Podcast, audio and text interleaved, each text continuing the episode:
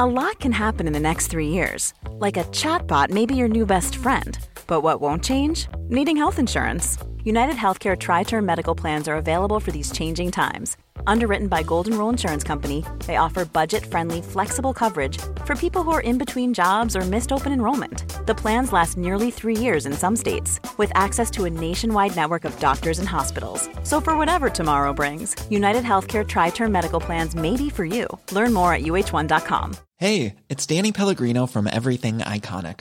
Ready to upgrade your style game without blowing your budget?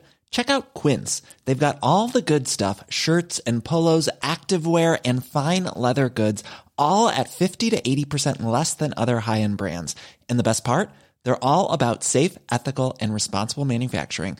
Get that luxury vibe without the luxury price tag. Hit up quince.com slash upgrade for free shipping and 365 day returns on your next order. That's quince.com slash upgrade. Hey, it's Ryan Reynolds, and I'm here with Keith, co star of my upcoming film, If, only in theaters, May 17th. Do you want to tell people the big news? All right, I'll do it. Sign up now and you'll get unlimited for $15 a month in six months of Paramount Plus Essential Plan on us. Mintmobile.com slash switch. Upfront payment of $45 equivalent to $15 per month. Unlimited over 40 gigabytes per month. Face lower speeds. Videos at 480p. Active Mint customers by 531.24 get six months of Paramount Plus Essential Plan. Auto renews after six months. Offer ends May 31st, 2024. Separate Paramount Plus registration required. Terms and conditions apply if rated PG.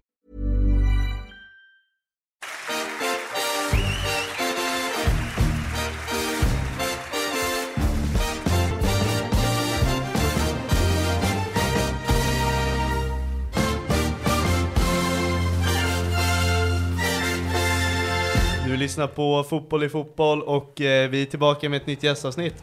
Ja, verkligen. Och eh, vi är tillbaka med spelare som har eh, blivit tränade av Peter Gerhardsson, som vi glömde ta upp. Ja, det var, det var en bom i, i det avsnittet för vi gjorde re reklam för det här avsnittet. Eh, så det var jävligt klantigt. Eh, vem har vi med oss? Eh, Robin Kacaniklic. Ja, härligt att du är här. Supertrevligt att vara här. Ja, vi har pratat om, vi har pratat om det här länge. Exakt. Exakt. Vi träffades ju en liten en kortis där, gemensamma nämnare. Så eh, vi hittade varandra rätt så snabbt. Mm. Så kände vi att vi, fan det här måste vi sätta oss ner och, och prata om. Verkligen, verkligen. Eh, och nu ska det äntligen bli sanning. Exakt, det Ja. känns jättekul. Det är jättekul. Det är kul Härligt. att vara här. Härligt. Eh, vi kör alltid fem simpla frågor. Det, det, den brukar heta fem snabba, men jag har döpt om den till simpla för det blir aldrig snabba. Jag ska Nej. försöka, snabb, försöka svara. Jag har ju, eh, jag har ju lätt att sväva iväg. Det är bara bra. Men det är oftast vårt fel, att det inte blir eh, simpla. Ja, det brukar bli följdfrågor, så folk tappar bort sig, så det blir inte ens fem frågor. Nej, det brukar exakt, bli det tio, tio. frågor. Så vi, vi är likadana där. Eh, Skönt. den här ställer vi till alla. Podden heter Fotboll i fotboll. Eh, när du hör det, vad, vad får du för känsla? Vad, vad betyder fotboll i fotboll? Eh, Jag har faktiskt tänkt på den frågan lite grann. Jag har ju lyssnat lite på avsnitt och Mm. eh, så här, fått läsa in lite och lyssnat på bland annat på Peters avsnitt och även på Malcolms eh, nu senast. Otroligt bra avsnitt måste jag säga. Tack så båda, jättemycket. båda två. Fotboll och fotboll för mig är alltså uppdelat i två. Eh, Jag kommer ihåg vad Peter svarade, jag känner att jag kommer att svara lite likt honom. För jag känner också att, typ, att fotboll är en del när man är ung. Sen så blir det en helt annan grej när man kommer upp och det börjar bli typ gallring och satsning och så. Så för mig är fotboll två olika saker. Det är lite eh, från att bara vara typ en hobby. Man fattar ju inte riktigt vad man gör. Oftast är det väl någon förälder som typ säger fan nu ska vi iväg och köra lite fotboll för att de, de vill det. Så börjar man spela fotboll, det är kul, man fortsätter, eh, man har bara roligt. Eh, sen så börjar man spela matcher och så här, det är kul, man spelar på skolgården. Eh, sen så går det ju över till något helt annat. När det börjar typ så när man kommer upp lite, man kanske kommer till ett elitsatsande lag och det börjar bli gallring. Det kommer Skånelag eller distriktslag, det kommer landslag. Eh, då blir det helt en helt annan grej. Så jag ska dela upp det i två. Vilken av perioderna uppskattade du mest? Eh, jag ska säga, säga del två. Mm. Eh, jag personligen gillar ju det. Jag gillar ju att tävla. Och så, så för mig så del två. Sen så hade jag också en familj och en pappa som själv har spelat. Så väldigt tidigt så börjar man ju också prata om mycket fotboll hemma och så här liksom. Vad som krävs och hur man ska göra. Och väldigt tidigt så man blev väl snabbt invävd i, i ett sätt liksom hur man ska tänka och hur man behöver göra. Precis, din pappa har ju spelat i Helsingborg också va? Exakt, Ja. han skryter om det. Ja. Han tar fram sina vitsvarta album och försöker berätta liksom hur, hur duktig han var på, Nej men på det sin är, tid. det är något vi inte har fått uppleva så jag tycker han gör det med all rätt alltså. Ja men det är kul. Men jag, han, är, han är rolig. Eh, Men eh, han har visat oss och han har liksom varit, alltid varit där, hela familjen har varit där hela tiden. Och stöttat eh, både mig och mina två bröder då, yngre. Eh, Men eh, Alltså det var, han spelade ju faktiskt i Helsingborg tillsammans, eh, om jag inte minns helt fel, så var han både med Rolle Nilsson och med Henke Larsson. Mm. Liksom i ungdomsåren där och jag tror att de var väl division 1 på den tiden, Helsingborg.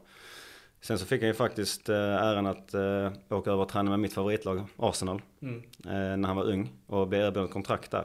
Men det, det blev att han stannade hemma i, i Helsingborg då.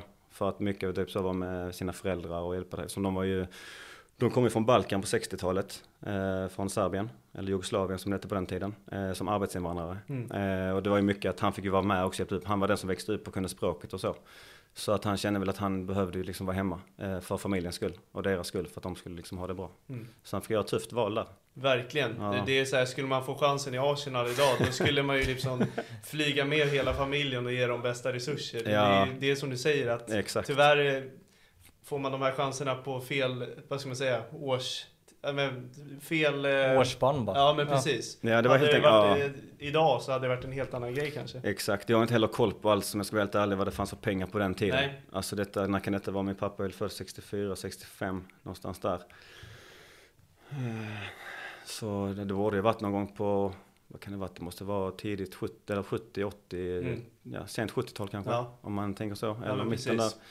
Så det känns väl som att, Man tjänade ju inte miljarder då i, i nej Arsenal. exakt, så liksom lite så här, var det värt det? Kanske, Nej. kanske inte idag, absolut. Det hade varit en häftig grej.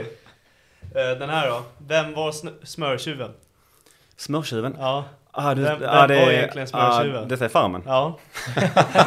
Fan alltså, ni har bra koll. Ja, inte bara Fan fotboll. men, oj, alltså jag minns inte, jag ska vara helt ärlig. Nej. Jag har ingen aning. Det var ju du som var lite eh, huvudrollen i, det- i det där. Ja, jag var nog lite med i den svängen där ja. Jag fick mycket blickar på mig minns jag. Ja.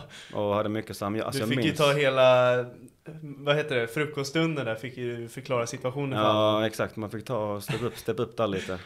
Fan. Nej, jag är inte så, jag är typ så här jävligt, jag gillar inte drama och så. Nej. Jag gillar mest att bara flyta med, Ja. ofta i sådana sammanhang. Annars är jag väldigt frispråkig och väldigt så här, men just där inne så var det väldigt viktigt för mig att bara vara typ så här neutral och typ inte outa och inte bla bla bla, synas för mycket. Men jag kommer fan inte ihåg om jag ska vara helt ärlig. Nej. Tyvärr.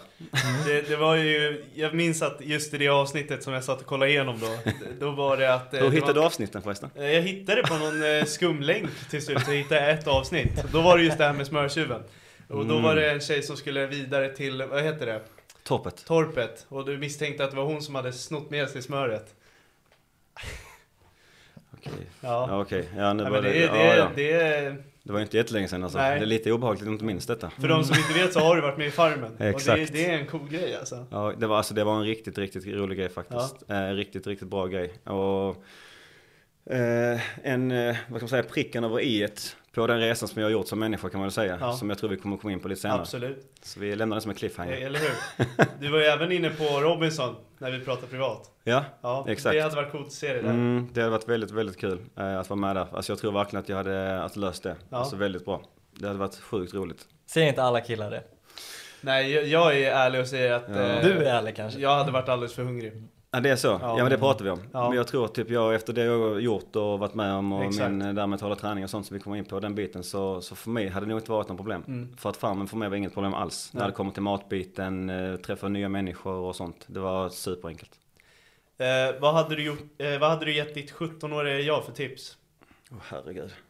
Hur många tips får man ge? Om du, om du bara får ge ett.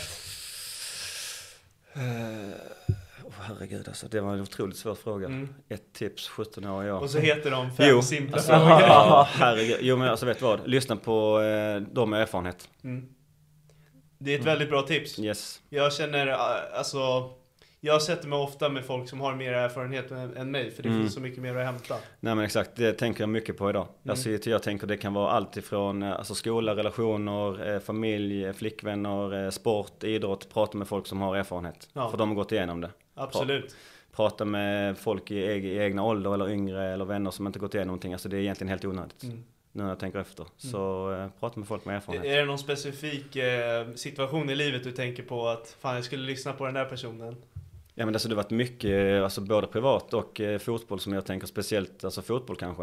Eh, det finns jättemånga situationer alltså. Mm. Jag, jag hade ju, hade ju mycket erbjudanden när jag var yngre.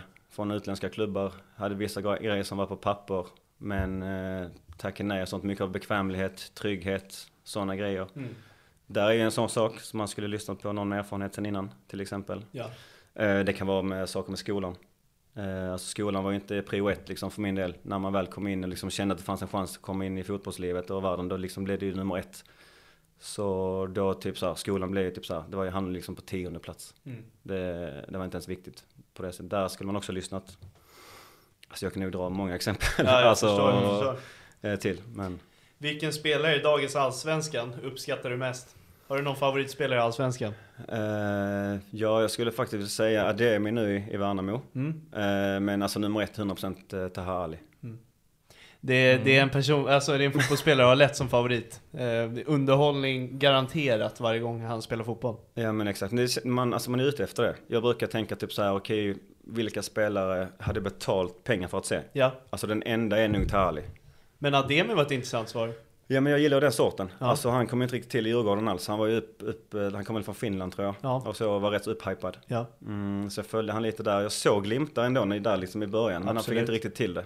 Eh, sen så kanske man behöver, alltså nu känner inte jag någon och jag kan ju inte säga för mycket. Men jag tror att han var under fel ledning. Mm. Djurgården är lite mer, alltså lite mer strikt, det är lite mer hårt. Det är inte Mer mycket, struktur Ja, för- struktur. ja. Det är inte den här freestyle-fotbollen riktigt. Mm. Så han kanske kom till fel klubb. Mm. Alltså så. Och det såg man ju i Värnamo. När han Verkligen. fick den här friheten och så. Eh, då såg man ju att han blommade ut rejält. Så eh, då såg man ju hans potential. Och det är mycket snack om han nu. Ja, han verkar ju lämna nu till Sydkorea tror jag det är. Ja, Mm. casha in. Det är upp till han själv att bestämma. Det är så va? Ja, det är upp till han själv. Ja, Sen det, det fina med Taha Ali också är ju att personen, alltså han är så otroligt snäll också så det är ju inte Exakt. bara att han är en exceptionell fotbollsspelare utan man, Nej. man gillar ju honom också. Det är Exakt. inte den här dryga yttern som gör vad han vill och så har han en Nej. kaxighet utan han är Dryga snäll. yttern. Så Ja, hela- Ja men du vet, Ja, han jag är kaxig och sådär. Han går ju Exakt. runt och är Ödmjuk. Han är ödmjuk och Ja. snäll liksom. Hela hans resa är ju alltså Ja, ja. otrolig. Ja. Och Inspirerande. hans tal också där efter SM-guldet. Ja. När han berättade det typ att eh, det var hans första gången hans mamma såg han spela och liksom de tog SM-guld och hela köret liksom. Mm. Om jag inte minns helt fel så tror jag han sa det. Ja. Och berättade liksom sin resa, att jag ska liksom inte kunna hända liksom vad jag varit innan, vad jag är nu. Ja, precis. Och, och lite där jag kommer ifrån och bla bla bla. De här grejerna. Så, eh, alltså man, man tycker det är kul när sådana spelare lyckas. Eh, Oh ja. Och sådana personligheter speciellt. Alltså när bra, fina personer lyckas så är det ju thumbs up liksom. Exakt. Mm. Vilken är din favoritfotbollspodd? Du får, du får inte välja oss. Det det Jag får inte det. Nej, men Nej. det, då, då är det, det är, det är ju, vad heter det nu? Jag lyssnar på den varje dag. Det är ju Biros och Companys. Studio Allsvenskan. Ja, Studio Allsvenskan. Absolut. Ja, fick jag Järnfrossa. Mm. Men Studio Allsvenskan. Ja, det tycker jag är ett acceptabelt svar. De är fantastiska. Ja. Framförallt Biro. Ja, helt otroliga. jag älskar när han spårar ur där. Han Ja. får liksom Biros minnet där liksom. Exakt. När han bara gasar. Han, han, Fan, ger, alltså. han ger det här saltet i, i grytan. ja. Ja. Ja, det kan man säga. ja, eller hur? Ibland saltkaret. Ja, hela karet. ja, grymt. Eh, beskriv dig som person utanför fotbollen. Utanför fotbollen. Ja, vem är du? Oj, oj, oj. Alltså jag är en ex extremt extrovert person. Eh, som gillar att vara i sociala sammanhang. Eh, och eh, alltså väldigt glad, positiv, framåt, öppen. Eh, alltså gillar att hjälpa till. Eh, om jag kan. Ja, sen så alltså jag är otroligt, men jag är snart eh, pappa också så att eh, mycket av de här grejerna kanske man får lägga på paus. eh, alltså snart eh, och så. Men alltså jag är en familjekille också till 100%. Jag är en riktig familj. Jag kommer från en eh, alltså, trygg uppväxt. Eh, Familjen sitter ihop. Mamma och pappa är gifta fortfarande. Eh, jättetajt med familj, brödrar och så vidare. Så familj är otroligt viktigt för mig. Så jag är också en familjeperson på det sättet. Men ja, jag tror jag fick med allt där. Ja, härligt. Jättebra beskrivning av dig själv. Eh, Jag vet inte hur mycket jag ska säga från när vi träffades första gången, men då satt jag och käkade lite fika med eh, min kompis Diar och hans kusin Jill och eh, helt plötsligt kom du och ett gäng till in och hälsade på och verkligen fick den bilden du beskrev, att öppen, trevlig och hjälpsam. Ja, nej, men tack. Verkligen. Skönt. Det är så här, man är lite så lite så här van från fotbollen att man ska inte beskriva sig själv. Nej, Så det har man fått träna om nu. det är en svår fråga. Det är en jättesvår fråga. För man vill, ofta är man van vid, i alla fall från fotbollen, typ så att andra beskriver din spelstil. Men det är inte ofta, vem är du som person? Mm. Så den är ändå lite svårare, för den har man aldrig fått svara på. Så den har man typ så nu fått luska på liksom med åren. Mm. Eh, vem man egentligen är utanför fotbollen. Men det har jag insett nu. Och som spelare, vem är du då? Det är vår följdfråga, så det är kul nej, att du nämnde ja, det. nej, men som spelare, typ så här, jag är ju typ Tyvärr så är jag typ inte någon supervinnarskalle på det sättet. Jag var ju typ en spelare med flair rätt så mycket. Mm. Alltså jag ville typ så här utmana, dribbla, jag ville typ att det skulle hända lite saker. Gör någon snygg fint var ju viktigare än typ att kanske bli mål och sånt. Jag var lite mer det här, eh, men lite mer Taha Ali kanske. Mm. Nu har han ju börjat producera också. Ja, verkligen. eh, rejält liksom. Men sen så ska jag inte jämföra mig mer med honom. Men jag hade ju Ronaldo och Cristiano Ronaldo som han är ju ett par år äldre än mig. Så när han kom till United där så fick man ju upp ögonen för honom. Mm. Och då blev det min idol direkt liksom. Allt med det här fåfänga som han hade, strumporna över knäna och det var frisyr som skulle fixas.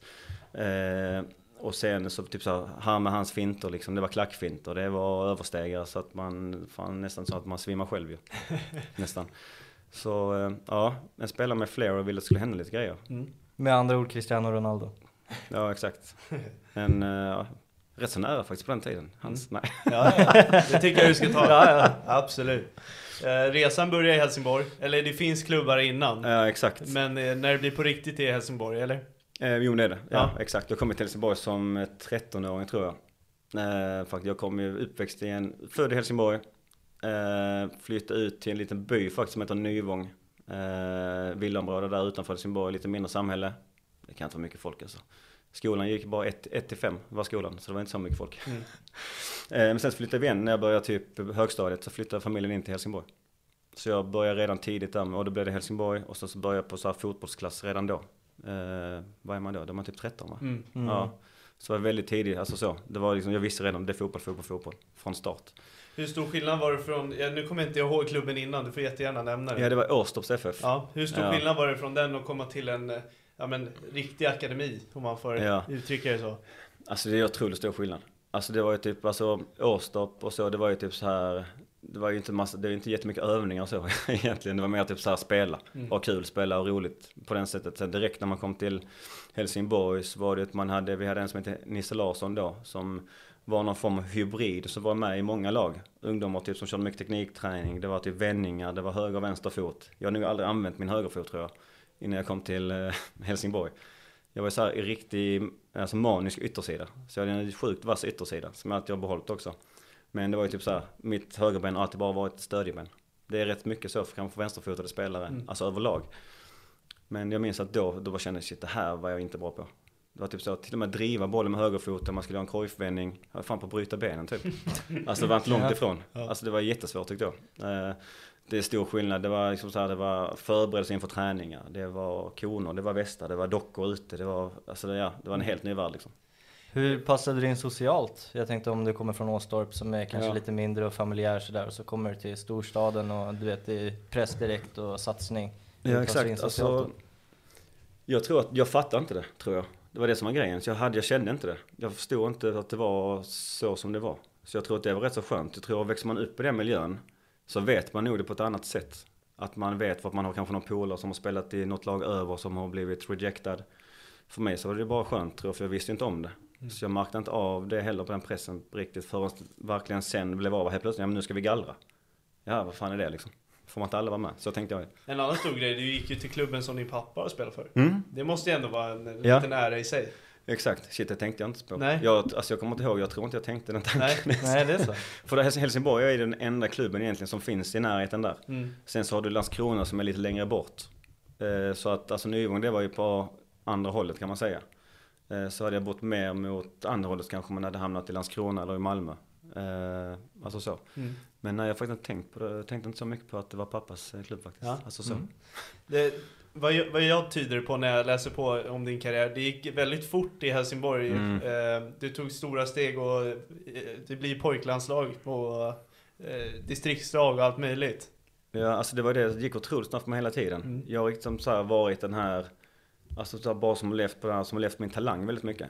Jag har aldrig behövt göra så mycket mer än det. Så det är väl det, alltså det var typ så i HIF och sen så blev det typ, man kom direkt in och fick spela nästan med, med, liksom, med första laget direkt. Eh, sen så var det uttagen till Skånelag, det var uttagen till landslag, fick spela liksom i- i Skånelaget direkt. Ändå konkurrensen då med Martin och Marcus Olsson då, tvillingarna som eh, har gjort en jäkligt bra karriär. Eh, konkurrens med speciellt Marcus då som var vänsterytter på den tiden. Och jag tror Martin var inomhittfältare om jag inte minns helt fel. Mm. Mm, och den platsen eh, knep jag i Skånelaget. Eh, sen så gick det vidare då till eh, Halmstadläger och sen så var det första landslaget. Och sen kom jag med där och sen så bara flöt det på hela tiden för mig. Så det gick väldigt, väldigt enkelt. Mm. Så jag hade aldrig någon riktig motgång. Halmstadlägret, det är det... Elitlägret då. Det är elitläger 2003 då? Ja exakt, elitläget då när, eh, där man samlar egentligen hela Sveriges eh, Exakt. typ distriktslag. Och så tränar man och så blandar man och så, och så här. Var, var det någon spelare du kommer ihåg från den eh, samlingen? För jag har skrivit in en lista här. Var det någon spelare som bara wow? Alltså jag minns ju två, om det är tvillingar, som jag tror kom från BP. Eh, Alec och Yannick eller något sånt heter de tror jag. Okej. Från BP som var sjukt bra alltså. Kommer jag ihåg, som var ytter och forward. Eh, men jag vet inte vad som hände med dem sen. Nej. Sen finns det en kille som var i vårt lag eh, sen som jag, alltså om jag var duktig på att dribbla och så, den här snubben kunde göra det dubbelt så fort. Han kom också från Helsingborg? Nej? Malmö. Ja, Malmö. Nas- Nasad Assad. Okej. Hamnade senare i Udinese vet jag, spelade till Polen eh, som utlandsproffs. Bland annat Malmö-kille. Alltså otrolig teknik. Okej. Alltså, herregud.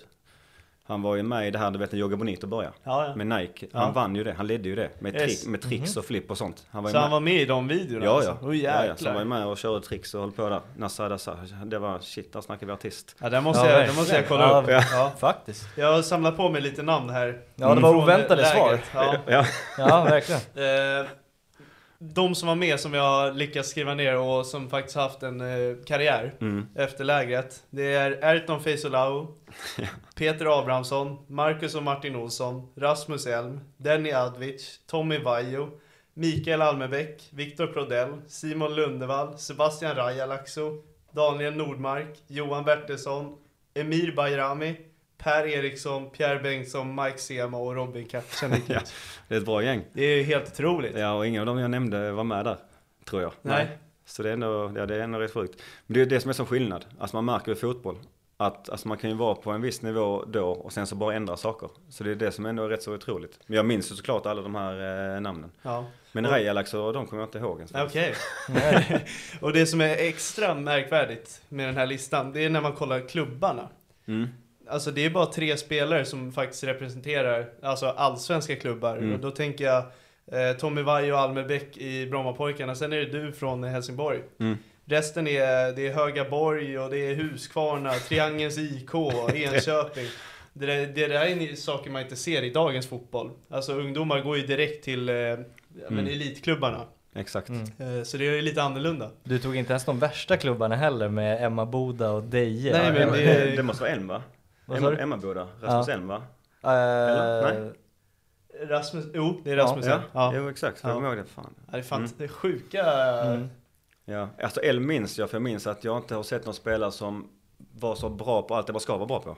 Det kommer jag ihåg. Att Mm. jag minns honom typ såhär, det var inte typ såhär att han höll på och sprang och körde massa sulfinter och kojfare och det var inga överstegare utan jag har aldrig sett någon som var så bra. Lite så här, lite busket som ni förstår vad jag menar. Ja, alltså ja. Som, som bara är bra på det man ska vara bra på. Han sticker inte ut i allt, men han är bra på Ja, allt. alltså typ att touch, höger vänster fot, mottagningar, alltså passningsteknik, eh, höger vänster fot, eh, crossbollar, alltså allt sånt som bara, alltså han kunde ta ner vilken boll som helst liksom. Mm. Och så bara typ såhär, det här, fan det där, det där kan inte jag. Han blev en hyfsad spelare också. Ja exakt. Men Tyvärr det- så hände det som hände. Ja, verkligen. Men fan han skulle, han, nej otrolig spelare. Mm. Men det är, det är en intressant grej. Det känns som att man inte var lika stressad att hamna i elitlagen på den här tiden. Nej men jag vet, det är mycket mer hett som det är idag. Det känner man ju. Mm. Eh, sen så tror jag också att just det jag berättade om det här med kanske med Flaren och de här spelarna som ni nämner nu. Att Mm. många, Arton var också väldigt eh, individuell, minns jag. Mm. Eh, jag har spelat med honom också i Mjällby. Eh, otroligt duktig. Minislatan kallades han ju Ja, på den tiden. Hade lite samma attityd, aura och Yes. lite såhär skön, skön snubbe. tatuera YOLO på ryggen. Ja, den är ju sjuk alltså. Ja men exakt. Det är många där är ju väldigt, var ju väldigt tekniskt skickliga. Mm. Och väldigt så här, mycket fler-spelare då. Eh, så att jag tror att du får utlopp för det mycket mer när du inte är elittränare. För då ska liksom alla bli stöpta känns som i samma, det är samma träning, det är samma, det är nästan som att sitta i skolbänken. Du, alla gör samma sak. Ja men precis. Medan då får du inte utlopp för din kreativitet kanske. De får vara mer uttrycksfulla i de här mindre föreningarna och Ja. vara sig själva och lite fria roller. Exakt, och sen efter det så kan man komma in i det här lite mer strikta för att Mm. lära sig eh, ja, men alltså grund, grund, grunderna då helt Mm. enkelt. Hur, hur känner du själv? Eh, Du ska ju få barn och så. Mm. Eh, om de spelar fotboll, känner du också så här? De behöver inte spela på eli, i, i ett elitlag eller det- det första de gör eller hur, hur tänker du där? Ja, alltså jag trivdes otroligt bra så som jag hade det. Ja, Eh, Men det är också viktigt då i så fall att man, att man förbereder eh, sina barn på hur det blir sen. Att det, alltså det blir ju mycket tuffare sen. Det blir en helt annan värld om du byter från Lilla Nyvång eller Åstorps FF till Helsingborg. mm.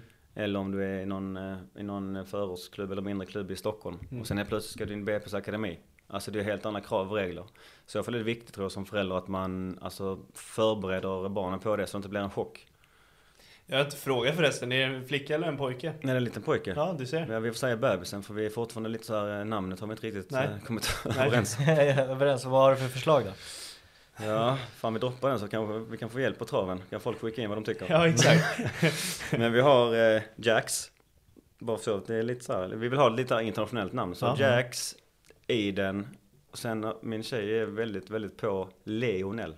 Okej. Inte Lionel utan Leonel. Okej.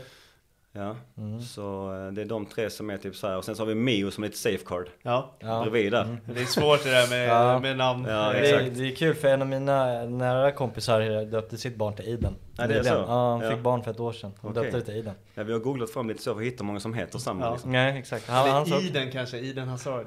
ja, Ja. ja, exakt. Ja. Ja, nej men det är otroligt svårt alltså. Sen så eh, tror jag kanske att man bara känner det Ja. när han väl kommer. Ja. Så kanske man ser det, okej detta är en Iden, eller detta är en Jax, eller detta är en Mio liksom. Precis. Det är Det vet spännande. ja. Ja. Eh, Helsingborg, Mm. eh, det kanske inte avslutades på det bästa sättet för dig. Nej det blev lite stökigt där. Ja, eh, utan att gå in på för mycket detaljer bara, men hur rent psykiskt kändes det där i den vevan? Alltså så som det blir så blev det ju typ ett avslut som, det var ju bra att det blev ett sånt avslut. Men sen så som, som det var, alltså jag trivdes ju jättebra i Helsingborg. Och Mm. min, jag älskar Helsingborg. Man var ju på alla matcher och allt som det var liksom. Eh, men alltså sen när det blev som det blev, tyvärr så kan jag inte gå in på exakt vad det var för att det är människor som inte kan försvara Fullt det, som jag, det jag säger och så. Så vi vill inte sitta och outa massa grejer som ingen kan försvara liksom. På det sättet. Men så som det blev så blev det ju bra. Mm. Om man säger så. Men jag tyckte det var otroligt tråkigt. För jag, jag såg framför mig att spela i HIF under, under en längre period liksom. Och kom upp väldigt tidigt eh, med lär, sådana lärlingskontrakt och, och så. Som 17-åring, ja, ja, runt där liksom. Eh, till och med redan när Peter Svärd var tränare. Mm. För så vet jag att jag fick vara med lite där. Då var jag nog 17. Eh, och så, så att. Och sen så kom in då Peter kom in där. Baxter kom in. Och det gick ju väldigt bra. Jag var med, det fanns något som hette Royal League på den tiden. Just det, just det. En nordisk eh, turnering som man spelar typ på grus för att eh, alla planer var ju helt fucked. Liksom. Tänk om de gjorde det idag. Det var efter Ja, säsongen. Alltså, du fattar det alltså. Ja. Den, som, den, den som kom på det måste ju inte ha tänkt helt klart tänker jag. För det var, det, var- alltså, det var inget gräs kvar. Mm. Alltså vi spelade på Olympia, jättefin matte alltid. Men alltså november, december, det går ju inte liksom. Sen så åkte man till Norge, det var ju kallare än fan där uppe. Och spelade i, mot eh, Rosengård, Rosengård. Rosenberg. Rosenborg. Rosenborg. Ja, Rosenberg. ja, Rosenborg, Rosengård. Ja. Nej men eh, Ros Rosenborg och Brann, Mm. eh, sådana klubbar. Det var ju rejält kallt kan jag säga. Ja. Mötte Dorsin där, jag såg inte en, Ja, bild, en fin bild. Ja, ja. snygg Ja, bild ni ja. valde. Jag, jag tyckte det var häftigt med Dorsin i bakgrunden ja, också. En snygg bild Ja. ni valde där. Ja. Nej, men så att jag, jag typ så det spåddes väl en rätt så bra framtid för mig där. Mm. Och de ville ju satsa på mig och så. Men sen så blev det komplikationer hit och dit och Mm. sen så blev det som det blev. Mm. Tyvärr. Eh, innan vi går vidare, fan Royal League tycker jag, varför får man inte ihop en sån grej idag? Det hade ju varit skitstort. Det är så jäkla mycket matcher nu för tiden. Jo, jag det tror är i så det. fall att man skulle få baka ihop det under säsongen. Ja. Alltså Ja, kan, England, kan England spela 500 turneringar, engelsmän liksom. ja, och, verkligen. varför kan inte vi då? Men problemet blir väl att jag tror det kan också vara för att danskarna har ju lite speciell eh, Just det, de har ett annat upplägg. De spelar lite mer som engelsmännen gör Just och de andra i Europa. De kör ju lite så här med en... Men då får vi fimpa danskarna köra Norge, Finland, Sverige, Ja men alltså jag tror det hade Island. varit... Island. Ja. Alltså det är så mycket snack nu om också att det är inget dumt med det för det är mycket prat om nu typ att nu springer Norge förbi oss. Nu är danskarna jättelångt ifrån oss Ja. liksom både ekonomiskt och talangutveckling och säljer spelare för miljontals kronor mer än, vad vi gör i Sverige och så. Så att nu när Häcken möter Brann och sådana grejer eller Djurgården, eh, Molde. eh, Molde förlåt, Ja. jag sa ju helt fel där. Nej, men det- Eh, ja, de här, det är de matcherna som blir intressanta. För Verkligen. då blir det en värdemätare. De hade man ju varit kul att se att om de skulle typ, ja men som vi sa, få ihop dem under typ eh, säsongen som går. Också få nordiska fotbollen på kartan. Alltså jag tror folk Mm. utanför Norden hade också velat se det. Exakt, för Ja. svenska klubbar går väl inte in i de här kvalen från på sommaren ändå tänker jag. Exakt. Eh, när det kommer till eh, ja, Conference League, Europa League och, och Champions League. Mm. Och sen såg man också nu, alltså vi, det var väl vad Häcken såg ut nu och lira. Mm. Det var mot Molde va? Ja. Mm. Ja. Alltså det är inte jätteskillnad men det är skillnad. Mm. Djurgården lyckades ju slå dit Molde också, så det, Ja. det har varit lite ge och ta där mellan Djurgården hade norska deras, och- deras, eh, det var riktigt bra. Det var ju Cypern de var i och Ja. fixade där. Och sen så var det, det exakt Molde där. De hade ett rätt, rätt bra år, Ja, Djurgården där. fantastiskt. Mm. Eh, ett av de bästa i mitt fotbollsliv. Ja. Eh, men, eh, och en annan sak jag måste lyfta upp, Peter Svärd, han kommer in i podden vä- väldigt mycket nu. ja, det är så. Ja. Nej, faktiskt. Ja, han nämndes ju i Gerhardsson och han nämns tidigare också. Jag kommer inte ihåg i vilket koncept, men, eller ko- kontext, men eh, han- nämns. Han måste nästan vara, vara med någon gång. Men tiden, Ja. han, nu, han Ja. var ju min, han var tränare år två, jag var i Mjällby. Ja, Han tog upp Mjällby till Allsvenskan. ja. Eh, Det var ju kul, du tog ju upp det för att jag hade ju värvat honom på, känner du till Football Manager? Ja men jag hörde det, ni berättade det, att ni Ja. tagit in honom som någon taktisk rådgivare. Ja, jag tog in honom som eh, prestationsrådgivare. Ja, ja, snyggt. Ja, nej men han, han är grym. Eh, men efter Helsingborg. Eh, det blir ju i samband med att eh, bror till dig, eh, Alex, Yes. åker till England så hänger du med. Mm, så fick det bli. Efter allt strul där så blev det att jag fick ju hänga med till England. Alltså jag hade ju typ så, jag hade rätt stora ambitioner så jag ville ju också vidare då. Mm. Så jag hänger med till England och sen så har vi det här klassiska, det är det här utbildningsbidraget och, och så vidare. Och sen så finns det ju typ, nu är inte jag proffs på detta, det, ska jag inte säga, men det är ju olika, alltså klasser kan man säga. Olika kostnader för olika, så det är typ så här C, D, C och så vidare, B, A. Eh, och eftersom jag drog till England så hamnar man ju i A. Vilket innebär att då måste de här klubbarna betala alltså det högsta bidraget då till, eh, alltså till Helsingborg då. Mm. Mm, och för att då försöka få bort det så gick jag till Wrexham som är lite hypade nu efter, Ja, Ryan efter här- ja, Ja, serien där. Och de var ju lik två på den tiden. Och då skulle jag, jag skulle fylla 18 tror jag. Eh, Men jag skulle fylla, ja, 18 eller 19, jag minns inte exakt. Och då var det väl att jag skulle signa hos dem eh, för att komma förbi det här, spela med dem ett tag och sen liksom ta mig vidare därifrån. Det var ju planen. Men det blev, fort- var ju fortfarande lite stök och sen så kom ju transferfönstret stängde. Så att det blev ju inget där. Och innan det också så kom jag faktiskt iväg till Hull City också. Det var jäkligt kul faktiskt. Jag var i Ja. Hull City, de var i Championship på den tiden och tränade med dem. Eh, och, och Kocha var där. JJ och Kocha. Åh Den herregud. gamla liraren. Ja, Ja, då hade han väl trappat ner och var i, körde Championship Ja, ja. och gled in i en Hummer. Det var en sån här bil som riktigt Ja, jeep, ja. Hummer Jeep. Bara helt splicat ny. de var ju bara, skithäftiga på den tiden Mm, också. herregud alltså. Och alltså, jag har fått frågan ibland vem är den bästa spelaren jag har spelat med. Och då är, jag har inte spelat med honom men jag har tränat med honom. Mm. Och sen har jag även spelat med, jag har tränat med Henke. Ja. Henke Larsson då när han kom hem. Eh, där när jag var i Helsingborg. Men Henrik Larsson såklart för allt han har gjort. Men som fotbollsspelare och det jag brinner för och står för. Så, alltså coach outstanding. Ja, du, du måste ju känt din egna flair, eh, Ja herregud hur du alltså. bara sänks här när du ser honom. Ja, ja. Inte för att ta ifrån dig, men, Nej, men alltså det var han ju är bara väl till- högst ja, på ja. den tabellen. Det var ju bara till skippa och ta emot bollen med su- sulan och sånt när man såg att han kom liksom. Här ska vi inte försöka med någonting. Ja, ta emot bollen och passa bara. Nej men det var helt otroligt. Ja, alltså vi körde typ, ja, men tre mot tre, fyra mot fyra på, alltså bara ge han bollen liksom. Ja, ja, ja. Sulfintar förbi och sånt, alltså sånt lätt. Alltså det var, jag vet inte hur många som minns honom men alltså herregud vilken mm. skiller. Kolla YouTube på honom, Ja, ja, det ja. kan jag tipsa om. ja men verkligen, har man inget att göra en fredagkväll då kan man sitta och kolla och, och coacha highlights. Mm. Helt ärligt. En flaska Ramlösa. ja, exakt. ska inte promota någonting annat. Nej, nej, nej. Men eh, eh, du och brorsan är i England. Mm. Jag vet, du fick väl träna lite med honom också? Ja exakt, jag på dit. den miljön. Ja det var jättekul, jag tränade med dem då. Alltså vilket upplägg, herregud. Jag förstår eh, varför eh, de lyckas, de här akademierna i England. Mm. Alltså det är, som, det är maskiner alltså, som de tränar. Jag vet inte om alla har samma upplägg, men jag minns Alex och de hade ju fyra träningspass om dagen. De tog in holländska tränare Mm. till akademin där. Eh, körde fyra pass om dagen, 40 minuters pass med vila, käk, vila, lite teori. Och jag var med där och körde typ eh, rätt så länge faktiskt med dem. Eh, det, var, det var riktigt kul. Så jag förstår verkligen varför de lyckas. Allting ska ske, ske i tempo. Full Mm. fart, full fart. Vändningar, passningar, hårda tillslag. Misslyckas, absolut. Men allt ska ske bara bam, bam, bam, bam. Har du en dålig dag, tränaren, what the fuck are you doing here? Mm. Dra åt helvete typ. Mm. Kom tillbaka imorgon. Alltså lite den.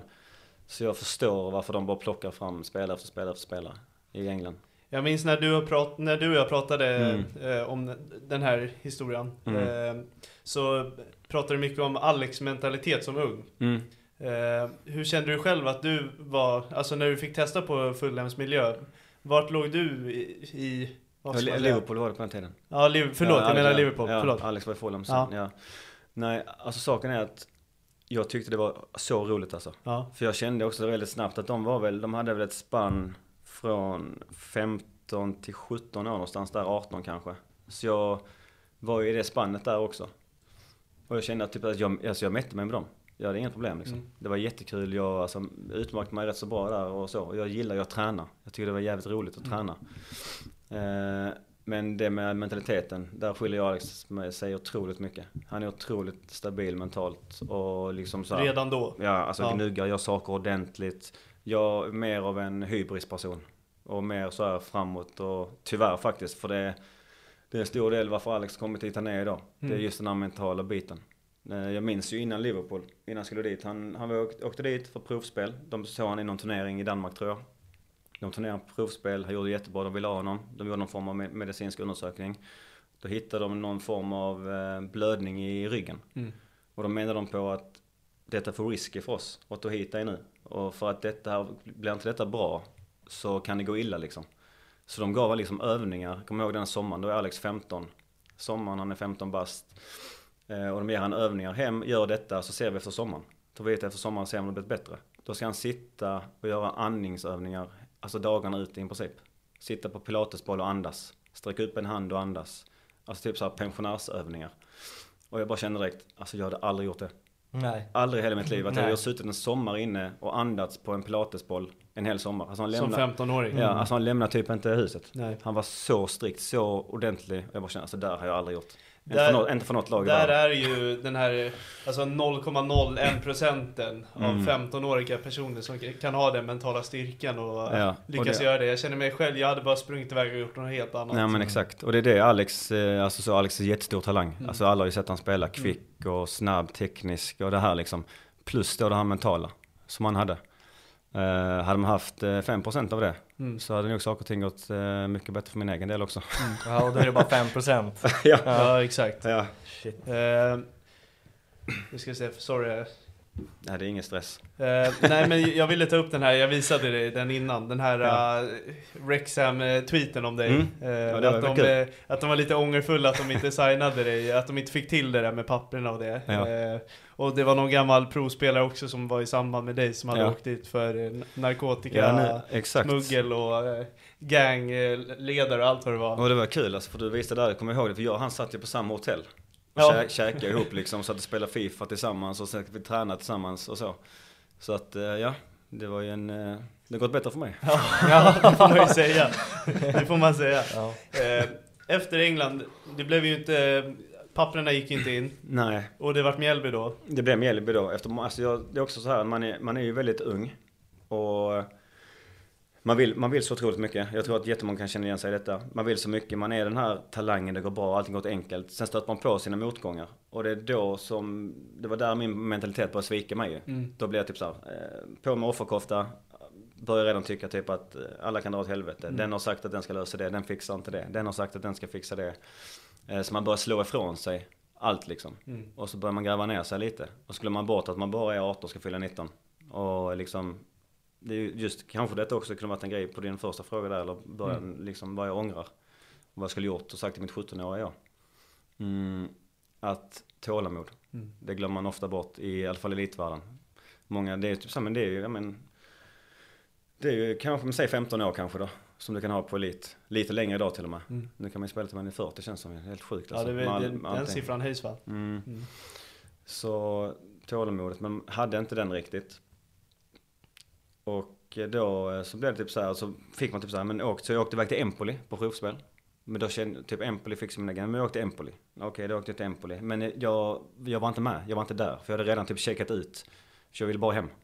För jag var Var- så trött på allting liksom. Var det så att du var så nära det här med Rexham och livet i England? Ja, både och, Wrexham och med Hull City också där liksom. Ja allting. men precis, att du fick smakprov och du var så nära Ja. på att det löste sig sen för att bara hamna i Mjällby Mm. och det blev bara total krasch. Ja, och Mjällby, alltså Mjällby, inte så att jag, jag, alltså min tid i Mjällby personligen var väldigt bra. Mm. och så, men fotbollsmässigt inte bra. Mm. För att det var där som jag började typ, inte balla ur, men jag började gå ur det här eh, mindsetet, alltså mitt mönster om att bli elitspelare på riktigt. Mm.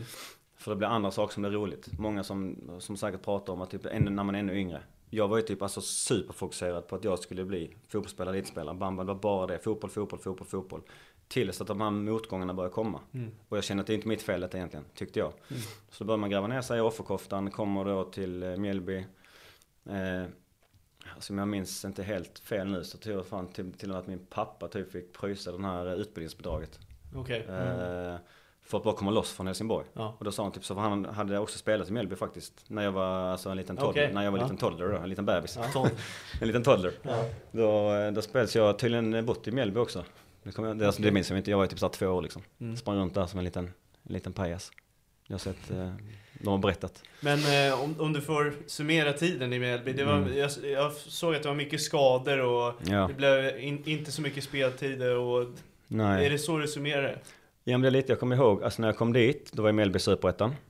Eh, kom dit och då hade vi, alltså jag vet inte hur mycket ni vet om de här spelarna, men Patrik Osiako Mm. eh, var där. Det var en, en serb som hette Sasha, vi hade en brasse som hette Marcello.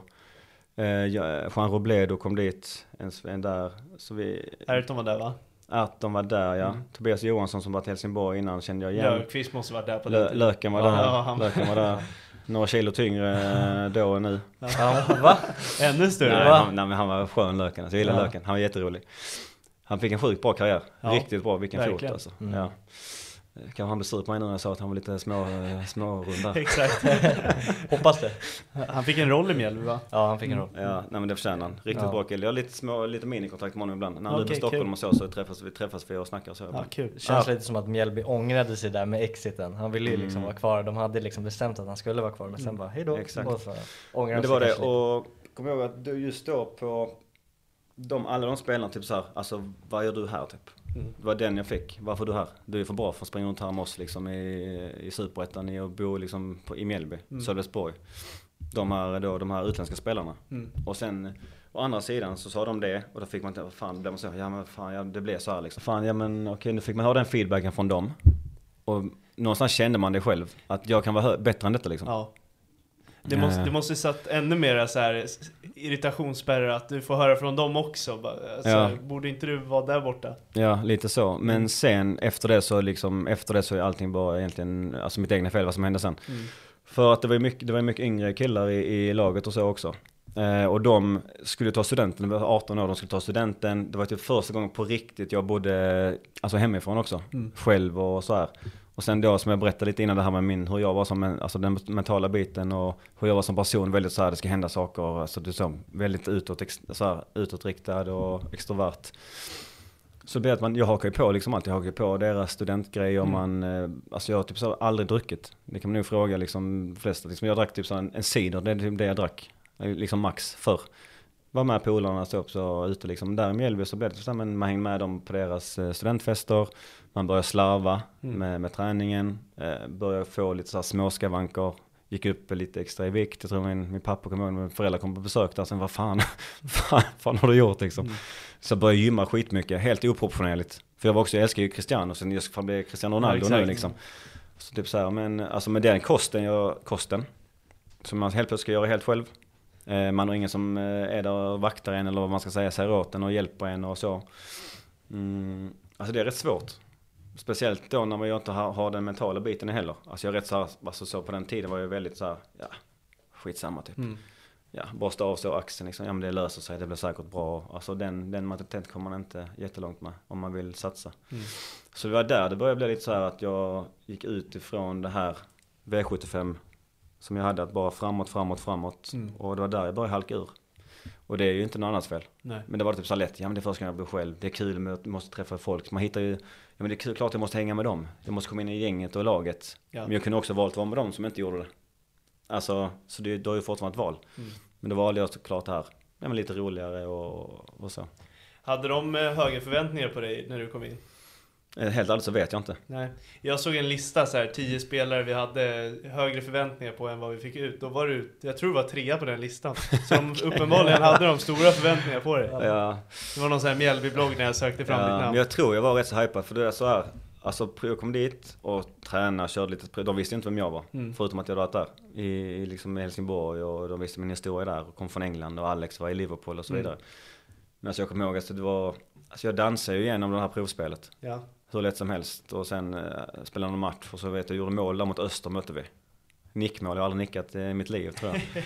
Ett mål där. Så jag nickade in ett, nick, ett nickmål också. Det är helt sjukt egentligen. Var det på ett Cristiano-sätt eller? Med Nej det var uppe fan inte du. 250 Det var, nej shit alltså, det var en feg, du vet sån här rädd, när man är riktigt rädd blundar typ. Blundar, vrider hela jävla kroppen, får den typ i bakhuvudet. Sånt mål, seglar över målvakten. Så det kan träffat allt från huvudet, örat, axeln, jag vet fan. Men det gick in på något vänster. Och sen så var det med kontrakt, jag fick jag där ju, över två år. Mm, jag vet inte varför jag skrev två bara. Jag kommer inte ihåg om jag var med i någon förhandling. Jag, hade checkat ut liksom. Ja. Eh, Nästa steg tycker jag är jäkligt häftigt. Eh, Det är en riktigt stor klubb. Eh, Och det var en speciell historia bakom det. Du tar ju Mhm. klivet till Nordsjälland. Ja, det var stökigt ja. Alltså det blev ju så, första året i Mjällby, gick som det gick, mycket skador, mycket konstiga skador. Alltså sådana skador som jag bara tänker, alltså hur får man sådana skador? Fick en tåskada som inte finns liksom. Så vi går med någon jävla stövel hur länge som helst. Eh, och sen så började ryggen strula på den tiden och sen så började baksidan strula. Sen så, allting började strula av någon anledning. Men eh, det vet jag idag varför. Det är för att man skötte inte sig såklart. Man, eh, det vet jag idag. Men och eh, år två kom det kom Peter Svärd in igen, för han var med här igen faktiskt. Ja, Ja, Då du ser. ja, Han hittar in. ja, ja, då fick jag en liten nytändning när Svärd kom in, för han minns jag ju från min tid i Helsingborg.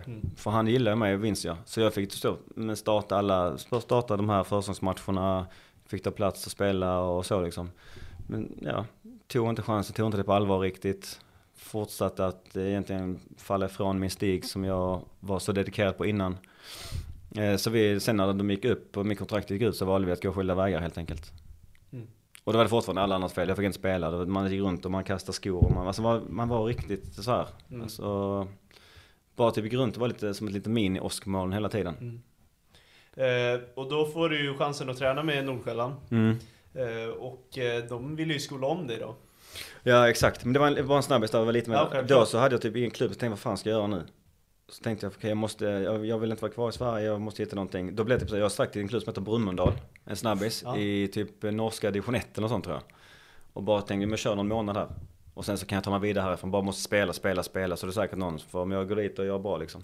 Och det blev att jag kom därifrån då till Lilleström på provspel. Henning Berg var tränare på den tiden, han är i AIK nu.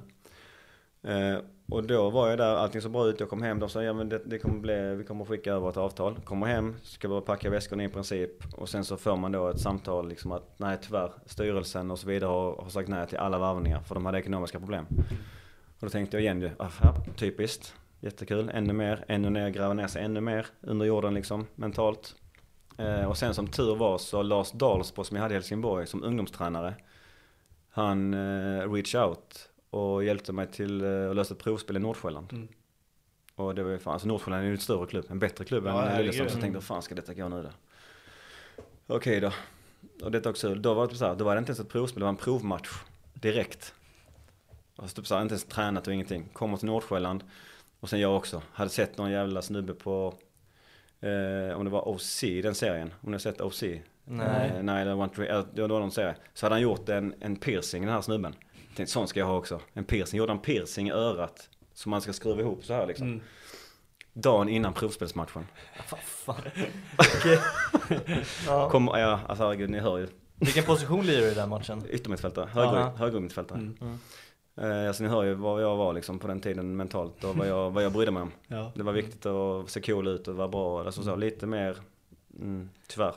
Look good, eh, play good. Ja men lite så, strumporna över knäna helst och Ja. lite så Ronaldo-style. Och man skulle helst bara dribbla och inte jobba hem och, ja, men det sköter någon annan. Jag ska bara liksom framåt. Var Hade ju- du lirat idag hade du haft korta strumpor.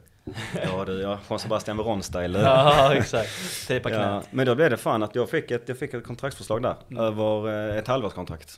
Och, då, och då ville de skulle om mig till vänsterback, eh, berättade de. Och jag var ju inte alls jättetaggad på det från start där liksom. Men jag hade ju, tror Raves, Lavan var där. Gamla Malmöspelaren, om jag inte minns helt fel. Att Raves var där, som jag hade att konkurrera med.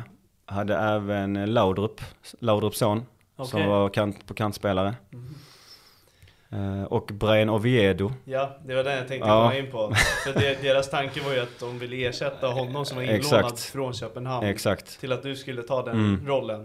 Och det, det är ingen skitspelare. Nej, Han hade en fantastisk karriär och Ja. spelade i Costa Ricas landslag. Ja, till och med Everton i Premier League. Everton och Ja, lite annat. exakt. Nej, så att det var ju inte... Och de hade ju en tradition, för jag tror till och med Pierre Bengtsson var i Nordsjälland en sväng. Ja, Helt, eh, måste han, det var han väl? ja Som det, vänsterback. det kan stämma. Det kan stämma. Ja, för jag för Du mig- kan söka upp det snabbt. För jag för mig att Pierre gick från Nordsjälland till Köpenhamn. Eller som var utlånad från Köpenhamn till spe- ja, Eller? Jag kanske är helt Jag har faktiskt ingen aning. Jo men han har varit i ett annat lag, det vet jag. Ja men om det är Nordsjälland vet jag inte. Jo det är Nordsjälland. Det är Nordsjälland. Ja, Ja. Så de hade lite det här vänsterbacksspåret där. Och Pierre var ju central mittfältare från början. Mm. Det var där han började. Och sen så blev han ju omskolad till vänsterback i AIK, tror jag. Ja. Mm, exakt. Mm, nej, så de hade väl lite den förhoppningen. De såg väl de kvaliteterna med. Alltså offensiv, stark, snabb, uthållig, eh, teknisk, alla de här bitarna. Men alltså mitt huvud då liksom. Jag kommer inte ihåg hur gammal jag var på den tiden. 22 kanske. 22, 23, mitt huvud. Vänsterback. 22, Alltså, 22 år. ja, det är 22. Alltså redan då, bara när jag hörde det. Så bara sa jag nej, fuck det alltså. Ja. Jag ska inte spela vänsterback. Jag ska ju vara där uppe och göra mål och, och liksom poäng och dribbla och hålla på liksom. Och då var ändå Nordsjön ett lag på den tiden som var typ så här snack om att det var liksom så här eh, Nordens Barcelona. Ja. För de spelar mycket typ så här tiki-taka, överlappande ytterbackar, man ska vara högt upp i banan. Eh, alla sådana grejer. Men alltså jag var inte där, men alltså för, jag var redan så nedgrävd i det. Och sen så ännu en gång, vänsterback, nej. Så jag, var inte, alltså jag, var, jag tog inte det på allvar heller. För jag läste lite artiklar, ena var inne på att ja, men deras vänsterbackar är i princip vänsteryttrar Mm. för de var så jäkla offensiva. Mm. Eh, och i andra så var det att du lämnar på grund av att du inte vill spela vänsterback. Ja, det, ja, Ja. Men det var, man var ju, nu ska man inte säga det så, men det var ju lite så här schizofrena tankar typ. Så Ja. man säga, för det är ju en, det är en sjukdom såklart som Mm. inte alls är rolig. Nej. Men när man bara tänker ur det perspektivet. Ja. En dag så vaknar man upp och så, "Ah, fan vi ger det en chans. Ja. Och sen bara, nej, nej, Det glöm det, nej glöm det. Alltså, typ Ronaldo är inte vänsterback. Nej. Nej. och hade jag tagit det på allvar och, och så, så hade det kunnat bli fantastiskt. För att Nordsjälland, vi gick och vann eh, cupguld. Mm. Eh, Jag såg att det står med i ditt register. Ja, Ja. cupguld mot Midtjylland som var riktigt bra på den tiden. Vi eh, tror till och med fan att vi vann ligan alltså. Spelar du samma veva som Joe Ceesay? När han kom efter Han eller kom före. efter. Det är någon, vi, vi Ja. överlappar varandra på Ja. något Mm. sätt. Det är en kille Eh, som också alltid hittar in. Ja. Ja, Ja, men men det- herregud, det han herregud, ja, men Ja, det herregud vilken spelare alltså. Ja. Och det han gör idag med sina, den här Ja, academy-grejen jag tycker han är och så. fantastisk. Ja. Där har vi också en spelare, jag, faktiskt sjuka, jag Vi lirar med skulle han. faktiskt eh, länka ihop. Det hade varit en... Och det hade varit kul. Vi, Ja. har faktiskt, vi har faktiskt suttit och pratat lite, lite, jag vet inte hur mycket jag ska säga, men vi har småsnackat om detta för ett tag sedan. Ja. Men det har aldrig blivit någonting av det. Nej. Alltså så. Men alltså vilken talang också. Cissé. Jag tror hans hälsena gick. Ja, det, det var... Alltså han hade väl 28, 13, oper- 28 operationer. Ja, ja. Ja det är så. Ja. 28 Herregud operationer. alltså.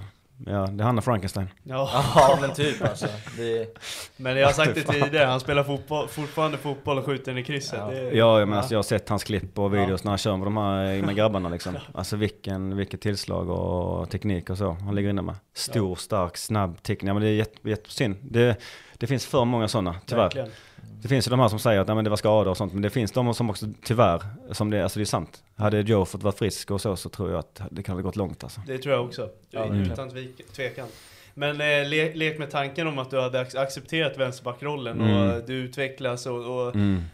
Vem vet, alltså nu ska vi inte dra för långa skott i mörkret här men... Ja, men det är alltså, landslaget 100%. Ja men, land, ja, nej, men tänk så här att överlappa brorsan på vänsterkant. Ja, det var varit sjukt. Ja, Ja, det hade varit helt otroligt. ja exakt. Hade man fått konkurrera med Martin då? Ja, exakt. Ja, Ja. Nej, men hans det, plats har ju tagit innan ju. nej exakt. Nej, det var mer Marcus. Ja, Marcus. Det var Ja, mer ja, Marcus som var där. Ja, det hade varit kul. Nej men eh, allvarligt Mm. om du... Jo, jag har tänkt, lov mig, tro mig, jag har tänkt på det. Hur många Herregud, gånger har du alltså. varit i de tankarna? Ja men det är många gånger. Herregud, alltså man har ju snurrat in på det. Alltså det var ju många stunder som vi kommer komma sen som det varit mörkt. Mm. Mycket mörkt har det varit i, i livet. Men För vi, vi har ju också varit så här, tänk om man tog, eh, nej det, det har jag inte heller varit, men tänk om man var lite mer självsäker, jag var ganska osäker Mm. när jag var yngre och spelade fotboll och tänk om man hade lite mer det man har idag, då. Alltså jag säger inte att man hade spelat i Allsvenskan, men nej. man kanske fortfarande hade spelat fotboll på en högre Ja, men nivå exakt, det, är det ofta så, ofta man, när man mår dåligt och tänker tillbaka, man ska inte leva i, i uh, in the past, kommer inte på vad det heter, i Dåtid. förflutna heter det, dåtid ja. Mm, Eh, det är ofta där som vi sa i början, att hade man då pratat om det, mm, för jag känner lite så här eh, till sina föräldrar kanske, att det, men detta är ju tungt, detta är jobbigt, jag känner så här när jag ska ut och spela, eller ofta så håller man det inne i, själv ju. Och det är inte jättemycket man löser då, nej. det kan jag ju säga. Men det där går ju två vägar också. Eh. Å andra sidan kanske du hade haft svinhögt självförtroende och så hade du gjort lite likt Robin också, skitit i maten och liksom, det Ja, hade kunnat vara tvärtom också. Alltså, det var, jag var så långt ner och i- alltså så här, Ja. nej. ja, men du förstår vad jag Ja, menar, det ja. kan ju vara andra Jag, jag tänker bara om man bara hade lite mer, då kanske Ja. man hade spelat fotboll i trean idag. Alltså, ja, så här, ja, bara, ja, det är klart. Ja. Ja. Det kan man få cash idag i trean. Ja, om, man, exakt. om man hittar rätt klubb. Exakt. Ja, Nordic United Nej men det, två det är en intressant tanke att bara tänka tillbaka och men bara jag tänk tänk- om man bara hade lite mer. Jag har tänkt på det många gånger för att jag, som jag sa, jag tror att Nordsjälland gick fan till Champions League året efter. Mm. Och jag vet att det var typ så här Chelsea och Juventus i gruppspelet bland annat. Alltså, hade man skärpt sig, det är mycket möjligt man hade fått en förlängning där. Man hade tagit vän- vänsterbacksplatsen. Det, är det, det vet man, det är bara hypotetiskt. Alltså nu, det är hypotetiskt, Mm. Ja, det kan man inte veta. Men, För det var ju ändå de som ville ha dig och det var du Mm. som tackade nej för en position. ja. Ja. Och att jag typ så här, ja men nästan i princip bara typ egentligen gjorde det enkelt för dem att typ eh, säga ett nej också. Mm. Eh, eftersom att hur jag, hur jag själv eh, var, jag tror inte jag jag var ju inte där mentalt alltså. Jag var någon helt annanstans. Mm. Och det var bara för att de ville om mig till vänsterback. Redan då hade jag checkat ut. Men jag tog ett kontrakt bara för att jag kände att jag älskar fotboll, jag vill spela fotboll, jag vill ha cash. Och man vill fortfarande ha det här att polarna tycker att man är cool. Alltså sånt för mig var mycket viktigare Mm. på den tiden. Att strumporna var rätt, att jag hade rätt skor. Alltså jag kommer ihåg att jag, jag fikade ju intyg för att jag inte skulle kunna, inte ha Puma-skor. Mm. För att HIF Helsingborg var sponsrad av Puma. Ja okej. Jag vet inte, jag hoppas inte att Helsingborg har fått böter för detta, för kanske de skickar en räkning nu. det är pres- I, I de här. Royal. League-matcherna och sånt. Men jag fikade att jag fick så ont i mina hälar av eh, Puma-skor. Mm. Och så hade jag på den tiden världens snyggaste Nike. Du vet de Nike-dojorna, First Away-Pro typ. Ja, ja, ja. Som var kromade, de, det. de lös och det var allt liksom. De som eh, Tjock-Ronaldo hade. Eller, eh, Exakt. Tjock Ronaldo.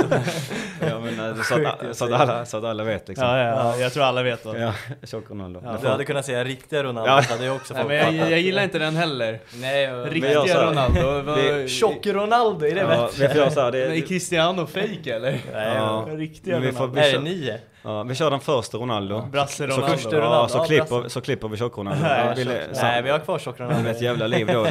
Nej, Då får man hatbrev sen att man sa Nej, att någon var nej, tjock och så. Nej, nej, nej, nej. Nej, Jag tror det- att hela fotbollsvärlden tänker ungefär samma. Jag vet. Eh, Men något du fick uppleva på grund av att du eh, ja, tackar nej för, eh, till Nordsjälland, det är eh, te- Telepotic. Ja, Teleoptic. Teleoptic, förlåt. Ja, nej det är inte, det, det är tufft. Teleoptic. Ja, alltså det är sant. Jag, redan där tidigt så hade jag bestämt mig för att jag inte ville vara vänsterback. Så redan tidigt där så började jag kolla och då av någon anledning så hamnade jag nere i Serbien. Min pappa är från Serbien och nere från Balkan. Ehm, och då på den tiden så spelade min kusin eh, Marco, han spelade i basket, han var jätte, alltså stor baskettalang på den tiden. Så han spelade typ i, i något, en mindre stad, by utanför Belgrad. Så han bodde där och hans typ agent eller den som hjälpte honom. Han eh, hade bra kontakter inom Partisan. Så vi bara kollade läget där och sen på ett sätt så kom jag ner och var hos honom och då blev det att jag fick typ så här, träna med Teloptic som är Partisans typ HTFF kan man säga. Mm. Eller så. Mm. De spelar i superettan, i serbiska superettan. Och, eh, och därifrån får man då gå upp till eh, Partisan om man, om man löser det. Och jag var där nere och de såg ju någonting i mig. Partisan och Röda Stjärnan tillsammans med Din- Dinamo Zagreb och Hajduk Split. Skulle jag nog säga att det är de största klubbarna nere på Balkan. Eh, vi, vi nämner Vardar också, från Makedonien, han spelar liv kanske. På dem. Det är bra, det är bra. Ja. Eh, så jag var där nere och de såg ju där någonting såklart, såklart, det var kaxigt sagt, men de, de såg någonting där och erbjöd mig ett kontrakt. Så man skrev ett kontrakt med Partisan och sen så typ eh, fick vara med, man där och träna ibland men så tillhör man främst då Delmar Teleoptic och är där och tränar och spelar matcher och så som utbildning för att då tas upp till Partisan sen. Och Avron Grant var ju tränare för Partisan på den tiden, eh, gamla Chelsea och West Ham eh, coachen. Mm, och det var, alltså, nu när jag tänker efter, alltså Mitrovic var ju där. Alexander Mitrovic. Eh, Lassa Markovic eh, var där. Och sen en snubbe som heter Jojic som jag vet hade en, eh, en blixtkarriär i Dortmund. Men jag vet inte var han tog vägen sen. Ja, ja, ja. eh, eh, Han Sen spelar tar- på eh, offensivt mittfält. Ja, ja. ja, jag vet inte var han tog vägen sen. Bra fråga. verkligen. Ja. Ja. Eh, men de tre var ju där som jag lirade med. Och Jajic måste varit där. Nej, Jajic var inte där. Ja, Adam, men- Adem kanske, han kanske Ja. var partisan. Alltså Ja, kanske, okej. han kanske var i, i A-laget. Men Mitrovic de var ju liksom Ja, i, okej, de var i samma lag Exakt, alltså. de var på Okej. tillväxt. Jag tränade med dem liksom varje dag. Åh jäklar. Eh, men det skiljer på år på oss. Jag tror det är nog sex års skillnad på oss. Det. Ja. Jag tror de, alltså, de var ju kids liksom på Ja. Vad spelar du för position där? Eh, ytter också. Då var det ytter. Så det var därför jag stack ja. dit ja. Ja, exakt. ja. Men jag hade fortfarande det här typ så här, det ska se bra ut och man ska träna. Alltså jag såg inte ut som en ytter längre. Alltså Mm. jag hade ju varit så mycket i gymmet och så liksom så att Jag är alltså, de som sett Alex spela, jag är väldigt lik Alex i, i spelsättet fast mer explosiv kanske och lite, och lite tyngre. Alltså lite mer alltså, power. Alex är lite mer Jesus Navas, liksom, han är smidig, lätt eh, och, och så. Jag är mer, eh, de brukar säga typ att jag påminner om typ Gareth Bale. De som känner mig. Alltså lite mer den spelstilen. Ja, ja. Mer så direkt skjuta, lite mer, lite mer power liksom. Alex är lite mer eh, rörlig och så här. Och väldigt bra med högerfoten måste jag fan säga. Att Alex är också. Det, det var en sak som jag var väldigt avundsjuk på honom. Han kunde driva bollen med högerfoten. Jag överstegrar först med högerfoten. Det kunde inte jag. Jag var tvungen att göra en dubbel alltid. Ja det är så. För jag kunde inte använda högerfoten. Att göra en överstegare först. Så. Men eh, livet i, i Serbien då? då? Ja. Eh, förutsättningarna för en ung fotbollsspelare, mentaliteten, allt det där. Ja. Nej men pappa sa väl lite typ eh, att eh, allt vi har lärt i Sverige, glöm det. men alltså så lite på skoj så här liksom. För vi, alltså vi, vi är uppväxta, pappa är från Balkan och så. Och, men alltså, vi är uppväxta alltså väldigt svenskt, om det finns något som är väldigt svenskt. Eh, alltså så skulle jag vilja säga. Det är mycket stöd och stöttning, det är skjuts överallt. Li- Lite så här, lite curling, vi har alltid fått det vi behöver typ och alltid haft, ja men de skorna vi behöver. Så här, alltid fått hjälp och föräldrar som har kört oss till träningar, hämtat. Mm, där nere var det inte riktigt eh, samma liksom, där får, man, där får man klara sig själv. Alltså det var lite mer hårt där nere, jag vet ju typ att eh, de har en annan mentalitet. Där nere är det typ så, nästan alltså djungelns lag är ju ta i. För det handlar inte om att någon eh, går bort och så. Utan det är men alltså det handlar ju om familjens existens kan det röra sig om. Ofta. Det är ju en helt annan värld. Partisaner till optiker och de plockar ju talanger från hela Balkan och, och kommer in i till optiker och så ska de ju blomstra och gå vidare. Och alla vet hur mycket det betyder. Så där är det ju riktig, riktig, riktig liksom fight om eh, platserna. Alltså alla är ju polare och vänner och så, såklart. Men man märkte att det här är en helt annan jargong alltså. Här är det inte så att man är jättepolare på träning och sånt. Men i omklädningsrummet, då är man polare och så. Men There's never been a faster or easier way to start your weight loss journey than with plush care. PlushCare accepts most insurance plans and gives you online access to board-certified physicians who can prescribe FDA-approved weight loss medications like Wigovi and Zepbound for those who qualify. Take charge of your health and speak with a board-certified physician about a weight loss plan that's right for you. Get started today at plushcare.com slash weight loss. That's plushcare.com slash weight loss. plushcare.com slash weight loss. There's never been a faster or easier way to start your weight loss journey than with PlushCare. PlushCare accepts most insurance plans and gives you online access to board-certified physicians who can prescribe FDA-approved weight loss medications like Wigovi and Zepbound for those who qualify. Take charge of your health and speak with a board-certified physician about a weight loss plan that's right for you. Get started today at plushcare.com slash weight loss. That's plushcare.com slash weight loss. plushcare.com slash weight loss. På träningen, alltså det, där snackade vi, där smällde det och det var seriöst och det skrek. Så det var ju en helt annan värld alltså. Hur, hur var det då att komma från den här, uh, jag vet inte om man ska beskriva om du var vilsen men, och hamna där, men uh, det har varit så mycket frågor under ett par år och sen hamna Mm. där och slåss om platser med dem. Ja, alltså det som det var, jag, jag gillade det på något sätt. För det var mer rakt och ärligt och öppet på något sätt. Så jag, jag tyckte om det. Först i början så var det lite så här att man var lite tveksam och det var, var lite eh, läskigt typ. Eh, Men sen har jag också varit i Danmark. Danmark är ju helt annorlunda från Sverige. I Danmark är det också lite mer, det är raka rör, det kan vara utskällning på plats. Det var ju samma när jag var i England. En träningsmatch är inte så att man säger så, nej nu måste vi höja oss.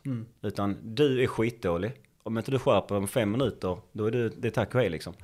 Och det finns ju inte riktigt i, i Sverige. Nej. Det kan jag tycka är lite halvdåligt. För att så fort nej, vi var bra, vi var dåliga. Ja men det kanske fanns tre spelare som var jättebra den matchen. Men man får alltid höra att det är vi som är dåliga och vi som är bra.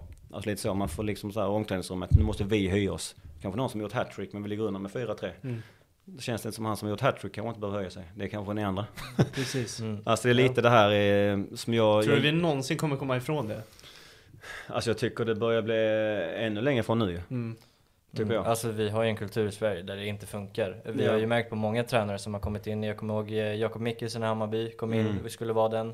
Eh, Glenn Riddersholm i Norrköping, Ja, det är det senaste exemplet. Ja, och alltså det är en kultur i Sverige. Jag tror att vi alltid kommer ha det. Att vi, Ja. vi jobbar inte med raka rör på det sättet, att man skäller ut en spelare i omklädningsrummet. Men kan man Nej. inte då, om de här tre som du nämnde, de här tre har varit bra, kan man inte börja här, ja men ni tre är fantastiskt med resten? ja men alltså Kan det, vi, kan vi inte hitta lite- någon mellanting där? Alltså om det hjälper. Jag har inte varit i ett omklädningsrum på jävligt länge. Nej. Eh, dock. Men det har varit i Eh, många. Ja, så jag vet inte hur det är idag. Nej, i och Eh, för sig, nu kanske... Alltså så, jag har inte jättebra insyn på det, men när jag, jag tyckte att det var nästan mer så när jag var i ungdomslagen i Helsingborg. Då var det lite mer, faktiskt lite mer tufft. Och det var lite mer, alltså det var ju gallring och det var tufft på ett annat sätt. Så att man, någonstans har man ändå fått med det. Men det känns som, så som där vi går, det hållet vi går idag, speciellt alltså inom fotbollen, det är bara där, det man hör och det man ser och allt det här liksom. Det går ju motsatt håll om vad jag tycker att man ska gå. Alltså typ så här att man inte ska tävla och... Ja men precis, ta bort tävlingen och... Ja, jag, jag personligen tycker att det är fel. Mm. Eftersom att jag tycker att, alltså ta bort serietabeller, ta bort att räkna mål och, och sådana grejer.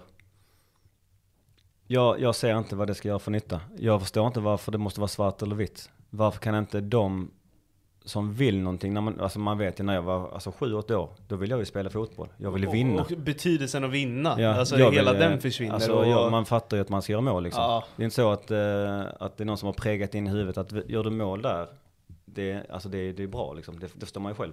Det är inte någonting, alltså det förstår man ju Mm. vem som helst. Eller att man har springtävling, alltså på skolgården så tävlar du hela tiden. Du spelar kula på min tid. ja, ja, det gjorde vi Ja, också. ja, Alltså du kastar, du kastar, man, kan, du vet, man körde po. Pokémon-kort, Ja. man, alltså man tävlar hela tiden, alltså i det fria öppna samhället på skolgården, när Mm. man är ute med vänner, man leker kurragömma, pjätt, alltså allt man gjorde liksom, det är också en form av tävling. Mm. Sen förstår jag inte varför man sen helt plötsligt, helt plötsligt ska man hamna här och ska det vara någonting farligt att tävla. Det är alltid någon som förlorar på kurragömma också.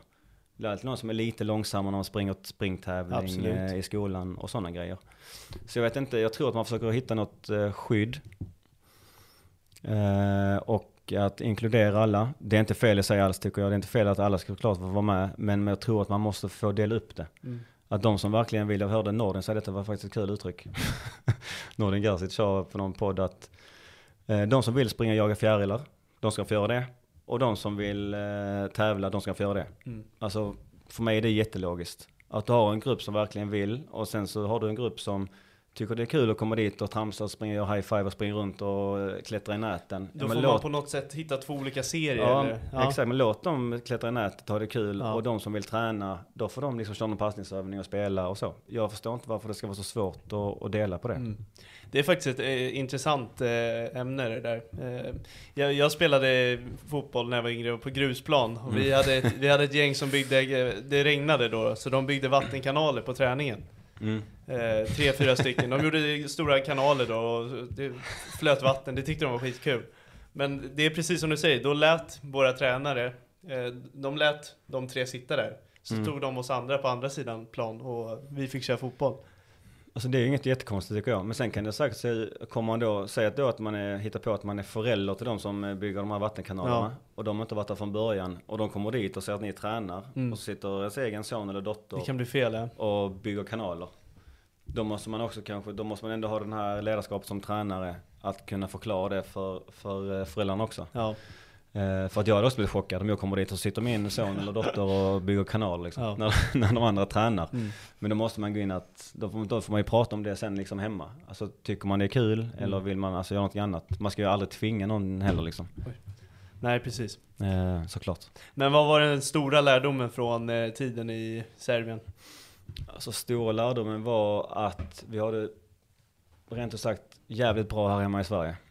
Det är nog det jag tar med mig mest Mm. därifrån. Det var där mycket av min, mitt huvud började öppnas upp. Hur var det med löner? Eh, hur Ja, var det med... Jag fick, det var ju där, det var ju faktiskt där, jag, jag började, min, min höft och rygg började ju ta stryk redan under tiden i Helsingborg. Mm. Eh, sen så tog jag ju aldrig hand om det. Eh, riktigt, man var ung och dum. Jag var otroligt dum tydligen, kommer jag på nu när jag var yngre. Det är mycket fel man har gjort. När det kommer till eh, träna rätt och sköta sin kropp och allt sånt här. Där jag har nog alltså, ett IG minus. Mm. Om jag får göra ett betyg själv idag. Mm. Eh, så där skäms man lite eh, nu kommer jag inte ihåg vad det fan frågan ens. Förlåt. Vad fan var det? Lärdomen. Lärdomen. Löner. Jag, jag svävade lönerna, också med lönerna. Löner. Ja men Ja, löner, lönerna. ar- så här, men Ja, och där fick- arbetsförhållanden. Ja och- exakt, där blev det totalt eh, kaos med min kropp. Så jag var inte med länge. Vi åkte iväg till eh, Antalya i Turkiet Mm. och hade träningsläger och det funkar bra. Kom hem, började spela de första matcherna och sen så började det bli typ så en träning och sen efter duschen, jag kan inte röra mig liksom. Mm. Alltså min höft, jag liksom, det är liksom så här ett, en liten Kapten Krok. Liksom, liksom en stylta i benet. Jag fick liksom lyfta min, skulle upp för trappan fick jag lyfta mitt högerben. Eh, sen dagen efter så var det okej. Men jag tror inte- så där började. Sen så vill man heller inte, för man vet att shit nu är jag ny igen, jag är ny i klubb, jag kan inte säga att jag är skadad. Mm. Att det är den också. Jag vill ju spela hela tiden, för jag vet, spelar jag inte för bla bla bla, konkurrens och så vidare. Eh, Men det var där allting började med just rygg och höften. Och eh, när de såg det liksom så blev det rätt så här, det var mycket gnäll. De skickade mig till eh, olika specialister. Det var också väldigt kul. Alla är specialister nere i Balkan. Det var väldigt kul. Jag hade mött så många specialister och professor och allt jag skulle lära Ja. Så det var också jävligt roligt. Eh, nej, så att det blev ju att jag inte kunde träna till sist. Jag kunde inte spela. Och på den tiden också, Partisan skulle ju ut i Europa. Mm. Eh, Jag kommer inte ihåg om det var Europa League eller Champions League de skulle kvala till. Och som jag fick höra det så var de ju eh, i skuld. Och man får inte vara skuld för då får man inte vara med och tävla av UE- Uefa. Okej. Du är, ja, det är Uefa som har de här tävlingarna. Ja. Sen så är det Fifa som har VM och, och så. Eh, så Uefa. Så att det blir ju typ att jag kommer ihåg att de sa att ja men först får Avan Grant sin lön och sen så får toppspelarna sin lön och sen så får, eh, ja sen får vi se vad som blir över liksom. Sen ryker resten. Ja men det var så jag fick, jag fick det framfört i alla fall. Mm. Så jag bara så typ så här och det tänkte jag så här kan det inte vara liksom. Eh, Det funkar ju inte. Eh, Jag hade inte sparat ihop jättemycket pengar från, eh, alltså jag hade sparat ihop en del. Men inte så att jag skulle kunna leva liksom ett, ett vanligt liv under liksom ett års tid kanske. Då skulle liksom pengarna kanske, kanske vara slut och så vidare. Mm. Eh, Så jag gick dit och skulle prata med dem. Och så, det var ju bara typ så här. Dörren är där. Det var typ så, in, in och vänd typ. Mm. Jag bara, jag har inte fått min lön. Och så var det typ så, nej det blir inget liksom. Så du saknar pengar fortfarande idag? Ja men det är, inte- det är inte jättemycket. Nej, Jag ska ärlig. Jag var inte där så jättelänge heller. Nu, Eh, nu har ju Partizan ganska gott om det. Ja man kanske borde gå dit nu. Ja, Ja. exakt. Och fråga man kan De sålde ju Vlahovic till Fiorentina, så det lär de ha fått. Ja, jag kommer ihåg, eh, ja, ni kommer nog komma in på det sen. Jag var ju, spelade med George Morad, en snabbis i ÖIS. Då hade han kommit till Kina. Jag vet att han fick en del pengar retroaktivt. Ja. Ser man- ser det, man- det finns några sådana case. Ja, Ja. det finns en hel del. Ja. Det finns nog många som eh, saknar pengar från Italien och massa annat också. Ja. Jag vet en som vann i Kina också, men jag ska inte säga vem det var. Men det var, det var en häftig peng. Säg det, säg det. Ja, Ja. Kan säga efter. ja exakt. Eh, nej men sen för att knyta ihop det. Du avslutar i Sverige igen. Mm, I Kristianstad, Örgryte och Esk- Eskilsminne. exakt. Eh, och jag har samlat en, en väldigt rolig historia från Örgryte. Eh, Alexander Kakanitlic bror i tröjstrid om Al Al Albecks nummer. Ja, jag kommer ihåg det. Herregud alltså. Ja, men vi kan börja bara snabbt där. Ja, Kristian- självklart. Kristianstad, det var jag spelade med en, spelare som heter Manuel Svensson i Mjällby. Som det gick rätt så bra för där faktiskt. Han var duktig och gjorde bra från sig, mannen där. Men då spelade han i Kristianstad efter, Dan, efter Serbien där. Och jag kände, jag kom ju hem och sen fick jag ta hjälp och fick, och jag fick gå, vad var det, 16 veckor typ kryckor och sånt var det. Mm. För att bli kvitt den här eh, höft och ryggproblemet då. För att slippa operation.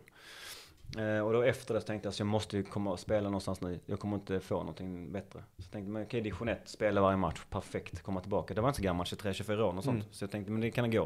Och se om det funkar. Och då hamnade jag i Kristianstad. Och sen så, så gick det rätt så bra där. Så kom jag då till ÖIS eh, året efter för de skulle satsa, gå upp i Superettan. Och Lans eh, var tränare där. Mm. Tänkte skönt, bra skåning liksom. Ja, och då var det där, kom jag dit och bara, vilket nummer, de här är lediga. Så tar jag, men den, 11 var bra. 11 perfekt, jag är ytter, ytter, yttermittfältare. Det ska jag ha, 11 ska jag ha. Och då kom ju, skulle jag signa kontraktet och skriva på där med sportchefen. Och så sa han, ja, tröjnumret, tänk, tänk på det. Så nej, ja 11 det är perfekt, yttermittfältare är jättebra ju. Orkar inte ha 27 och sånt liksom. Jag är ju fortfarande, jag ska ju fan, 11 är bra, jag ska inte ha 27. Eh, nej, då sa han, det är ju Albecks nummer. Så jag tänkte jag inte mer på det. Eh, sen, så var, sen så blev det typ, typ, typ en artikel på fotbollskanalen om det. För jag vet att supportrar började klaga för att jag sprang ut i Albecks tröja och sådana grejer. Men jag vet att Albeck eh, gav sig mitt eh, okej, Ja. minns jag. ja, exakt. Men jag bytte tröja. Ja. Då var tur jag bytte tröja för det gick åt helvete för mig i ÖIS också. det gick inte alls bra. Det gick Ja. inte alls bra. Skadad hela tiden där också. Ja. Nästan smått så här. Ja,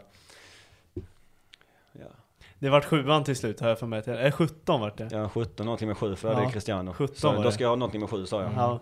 Mm. Nej men det är som du säger, Albeck gav ju godkänt till att du skulle Ja. få ha elvan. Det var ändå kul, det var en kul så här, artikel där i fotbollskanalen. minns Det, jag. det jag tycker är extra intressant är att de skriver Alexanders bror. Ja, eller Eh, Ja, den är också. Är inte det något som retar?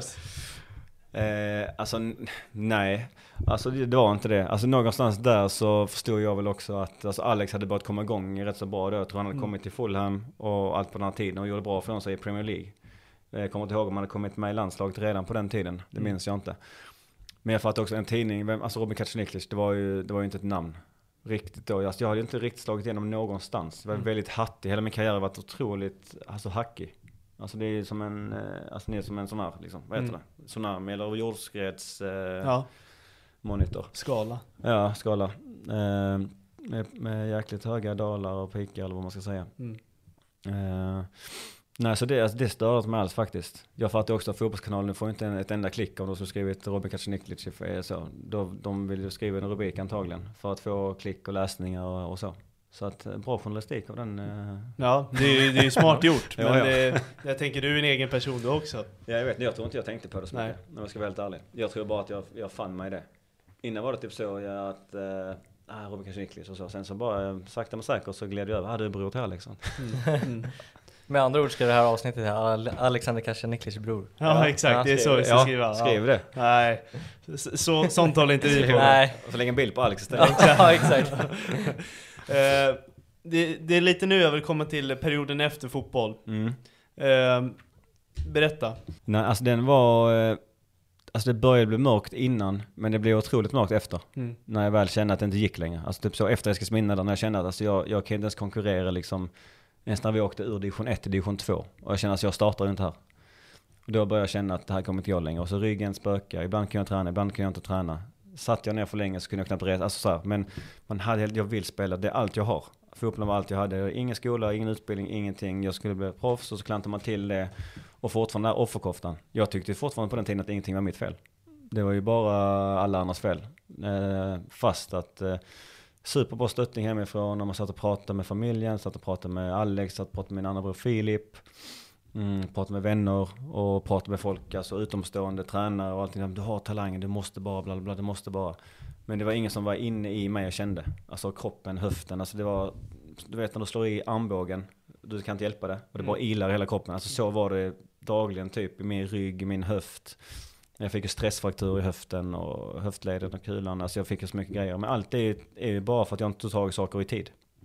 Och skötte mina, sina grejer. Men det var ju allas fel. Det var sjukgymnaster som inte hade kollat det. Och de var dåliga. Och ingen kunde hjälpa mig. Alla kunde dra åt helvete. Och när föräldrarna kom med tips så kunde de dra åt helvete. Alltså det var bara väldigt mycket agg. Och mycket taggarna utåt hela tiden. Eh, för att man var så besviken. Och då lättast är att skylla på någon annan då såklart ju. Och jag kände det på den tiden också att det var liksom alla andras fel. Jag tog ju noll, eh, noll skuld i det helt enkelt. Mm, så jag tror inte det var jättekul att vara runt mig på den tiden. Jag, hade, en- jag förstår ju att jag och min ex-flickvän gick isär också. det kan inte ha varit eh, lätt att vara med på den tiden alltså. För jag var typ så här, inte jättemycket glöd, inte jättemycket livsglädje. För att beskriva det enkelt så har jag beskrivit så här innan. Det är typ att man existerar men man lever inte. Mm. Man bara typ svävar, att bara är, finns. Helt tomhänt, Ja, ja. All, allt bara rycks ifrån en. typ. Ja men exakt, man bara typ bara finns. Eh, så, men det som jag, typ, vi kan man nästan börja lite från innan också. För det Mm. finns ju en väg in i fotbollen. Där man inte får något stöd och hjälp. Och sen finns det ju en väg ut. Sen så vet jag inte hur det är idag. Så jag kan ju bara prata från min egna erfarenhet. Och sen så pratar jag såklart med folk som fortfarande spelar. Jag pratar med vänner som är fortfarande är aktiva. Jag har ju Alex som fortfarande är aktiv. Mm. Och pratar med dem och de har också, det är många som har oro. Det märker man ju. Vad man ska göra efteråt. För att man är så insyltad i fotboll, fotboll, fotboll, fotboll. Det ska jag göra. Sen finns det de få. Det finns ju få som faktiskt gör mycket bra saker bredvid. Som kanske pluggar bredvid eller jobbar bredvid eller har något annat intresse. Eller att man kanske kan spara upp så mycket pengar så att man kan göra, ha typ så här, ett intresse efter karriären. Typ kanske, men jag vill typ öppna restaurang. Eller men jag gillar mode, jag vill typ öppna en butik eller ett klädmärke. Eh, ja, vad som helst. Jag kanske vill börja investera i saker. Det finns ju de som gör det. Men det finns ju otroligt många som mig där ute tror jag. Som har varit typ så här nästan, nästan på den nivån. Mm. Och lagt ner all tid i världen på det också. Och sen så har det inte liksom gått vägen. Och då står man där ju sen. Eh, jag kan ju inte prata för, jag kan bara prata för mig själv. Men jag som person redan som ung var ju väldigt så här, det ska ju, man ska se bra ut, jätteviktigt. Det ska vara rätt eh, jeans. På min tid, jag ska, fanns det Wu-Tang Clan-kläder och, och sånt, J. Lindeberg och Wheat-tröjor och sånt som var inne på min tid. Och sånt ska jag. Hade jag en sån hoodie bara, så hade jag den hela veckan i skolan liksom. Så jag var väldigt tidig med att det ska se bra ut utåt. Jätteytlig person har jag varit. Eh, och det var samma med fotbollen. Kanske därför jag ville dribbla och jag ville att det skulle synas och det skulle vara fler. För jag ville ha uppmärksamheten. Och jag vet inte var den kommer ifrån. För jag fick otroligt mycket uppmärksamhet hemifrån. Otroligt stöttande familj. Eh, med allt och inget.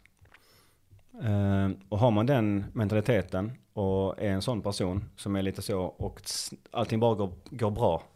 Det är så här, som ni sa själva, liksom Skånelaget, landslaget. Eh, man blir ju inte liksom en Sverigekändis, men man blir ju typ en kändis väldigt tidigt i lilla Helsingborg. Typ när man redan går i skolan, och nu var man med i Skånelaget. Helt plötsligt så blir det lite notis i tidningen. Eh, sen så blir det typ så här, Robin kom med i landslaget och bla, alltså sådana grejer. Har man då min personlighet och så som jag var på den tiden, så det är lätt att sväva iväg och så gillar man det här med femen. shit, shit folk kommer och vill vara min vän och folk pratar med mig och folk pekar, alltså lite så i skolan och, och sådana grejer. Och sen så har man typ såhär, vet, skolturneringar och folk vet vem man är. Shit, han är så jäkla bra, han är duktig. Då blir man lite minikändis i lilla Helsingborg, runt just de här grejerna. Och bara där är det, det är ingen som lär en om det Så redan där börjar det någonstans, att man fångar inte upp det i alltså, ung ålder. Mm. Och sen så fortsätter det bara hela tiden. Tills man då går på den här minan som jag gick på då. Då kanske min mina blev ännu större eftersom att ingen fångade upp mig från början. Förut, alltså man, mina föräldrar såklart pratar om detta jättemycket med mig. Sådana grejer, att fötterna på jorden och du vet alla de här grejerna som man säger. Men det som också är krasst, hur, mycket, hur, hur många lyssnar på sina föräldrar? Alltså i den åldern. Mm. Man tycker bara att föräldrar är jobbiga i den åldern och hit och dit. Så att, men hade någon utomstående sagt det, då hade jag nog lyssnat. För jag kommer ihåg, det finns många grejer som min pappa har sagt till mig, som min mamma har sagt till mig, som jag bara typ har avvisat. men ni fattar ingenting. Ni är så jävla jobbiga föräldrar och fan vad ni ska vara på hela tiden. Typ försvinn liksom. Och sen säger typ en utomstående exakt samma sak. Jävligt smart sagt. Mm. Fan vad bra. Det där var bra. alltså, ni kan väl känna igen er också absolut. och liknande. Ja, ja, ja. Absolut. tror många känner igen sig i det. Eh, just därför nu som jag trycker mycket med erfarenhet. Alla problem, ta det med folk med erfarenhet. Det är bara en liten släng in den igen för den är, den är viktig. Mm. Jag kan tänka mig att när du la av med karriären att du är lite inne på det, men om du liksom stoppar in alla dina tankar i ett lock och sen när du mm. avslutar karriären så bara sprick, alltså då går ju topplocket. Så mm. det måste ju ha varit en rejäl smäll som skedde ja. när du väl la av karriären. Men så är det Jag vet inte, jag kan ju inte tala för alla har det, men jag hade typ så här en väldigt familj som hjälpte till. Som typ stöttade, det fanns alltid mat på bordet, körningar som jag sa i början, kör och hämta, kör och hämta, fixa och dona sig till. Så att vi alltid haft det så bra det bara går från deras förutsättningar. Eh, och sen då kommer det in typ så, med en mamma som tvättar typ och pappa är med och diskar. Typ så, det var så att man, alltså man kunde gå från bordet och så var tallriken kvar ibland. Och ibland så fick man ju fixa det såklart själv och, och så. Men alltså mycket så här stöttning och sen när du kommer in i fotbollen, ja men då typ så här, helt plötsligt kan du slänga dina kläder på golvet. Och så kommer någon materialare och plockar upp dina kläder och tvättar åt dig. Sen så är det frukost. Ja, var, var här så är det frukost då, sen så är det träning och sen så kan du käka lunch på, på restaurangen, alltså klubbrestaurangen.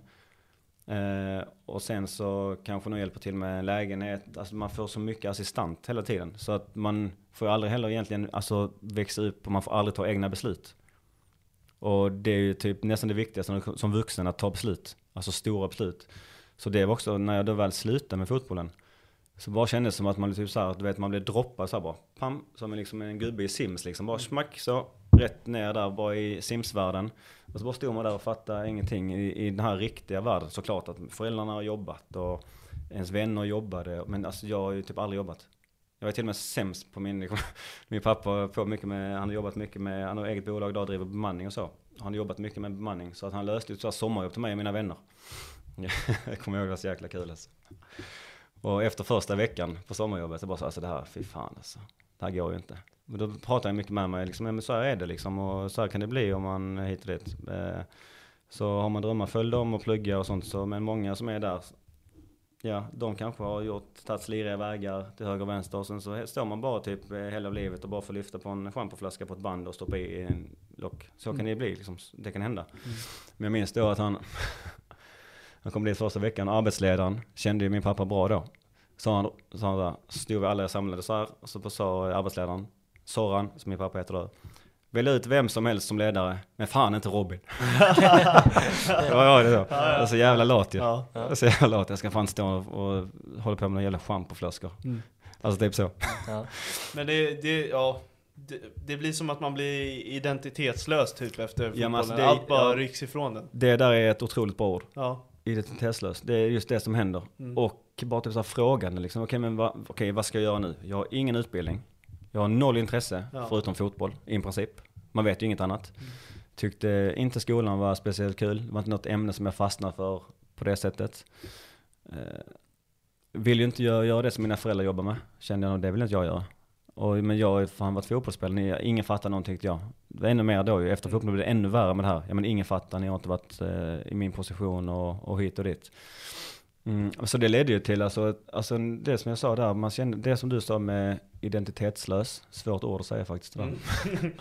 och eh, även då, eh, ja men ovissheten, oro, stress, press. Och man känner ju stress och press, för man vill inte, jag som en person som är väldigt så här utåt, framåt, rolig, skojig.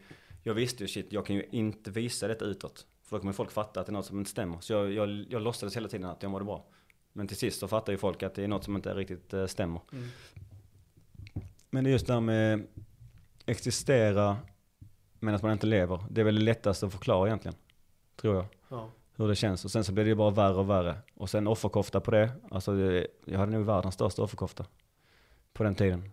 Alltså en oversize plus plus plus plus liksom. Men eh, hur, hur tog du det vidare? Alltså det tog, alltså jag ska vara helt ärlig, det tog ett bra tag. För man, alltså, jag vet att det är lite bättre idag. Men som sagt så finns ju ingen väg ur fotbollen heller. Eller idrotten för den delen. Eh, I alla fall inte på min tid. Sen så vet jag inte hur det ser ut idag. Men det är inte så att man märker att det börjar trappa av så det är ingen som fångar upp en heller. Eh, och hjälper dig mentalt eller psykiskt utan det får man ju sköta själv. Men samtidigt så är det också en kultur på den tiden att man går inte och söker hjälp. Man ska klara sig själv och man ska inte ha psykolog och sådana grejer. Det var ju alltså, det är ju lite tabu. Liksom du backar liksom när jag spelade 15 år sedan. Eh, kanske eller ja, bara då. Eh, ja, kanske på den tiden. Ja men 10-15 år sedan där någonstans. Då var det då hade man ju, då hade man inga sådana samtal ju. Alltså inte med tränare, inte med sportchefer, inte med agenter. Alltså man hade noll, noll. Det fanns ingenting som hette mental träning. Inte, alltså det kan jag, det är helt omöjligt att minnas. Mm. Och då liksom bara gå igenom allt det som jag har berättat. Och då finns det de som, alltså det är bara att till lyssna på eller läsa Magnus Hedmans bok. Mm. När ljuset släcks. Nu gör jag lite promotion för hans bok där. Det är okej. Ja. Men eh, jag känner igen mig så mycket i det. Hur han kände. Då har han ändå varit på topp, topp, toppnivå. Mm. Och jag nådde ju aldrig dit. Men min dröm var att nå dit. Jag började typ så här ångra mina grejer. Då kom jag shit, hade jag bara gjort så? Fan, hade jag bara gjort så? Tänk om jag hade sagt ja som när jag var ung. Då jag fick ett jättebra kontraktsförslag från Hajduk Split. Innan jag signade för Helsingborg där.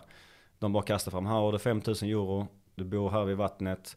Vi, Kroatien är inte med i, i EU. Så du har, svensk pass.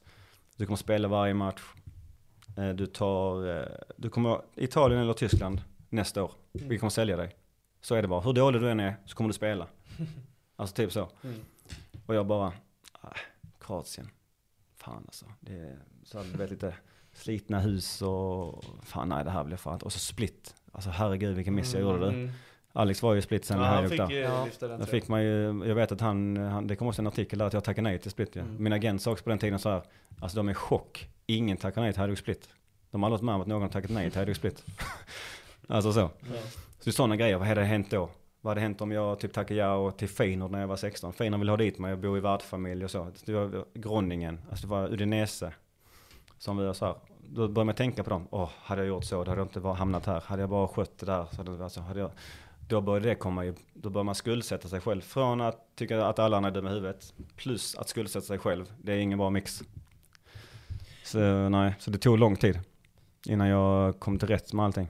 Kan du på något sätt i slut eh, bara knyta ihop hela din fotbollskarriär och allt du har gått igenom? Kan du ta det som lärdomar och format dig till den du är idag?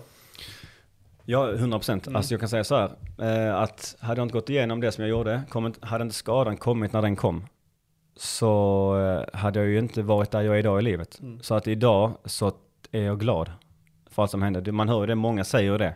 Jag är så glad att detta hände mig, för jag blev den här personen istället.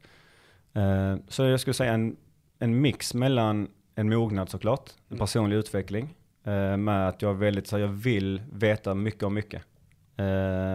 Plus då att efter de här långa åren, folk tjatar på mig, gå på till psykolog, gå till KBT eh, och så vidare. Jag bara, fan, allt, det är bara jobbigt, vad fan ska de göra? De har inte varit i min sits. Vad fan ska de göra för mig liksom? Eh, plus också var det så lite skämskudde. Psykolog, fan det Det kopplas ju ofta till det. Ja, jag bara typ såhär, jag ska vara helt ärlig på den tiden. Alltså när, typ såhär, du vet, när mamma kom hem eller pappa kom hem, ja men nu, nu är Pia sjukskriven. Det är bara att slänga ut ett namn liksom. Mm.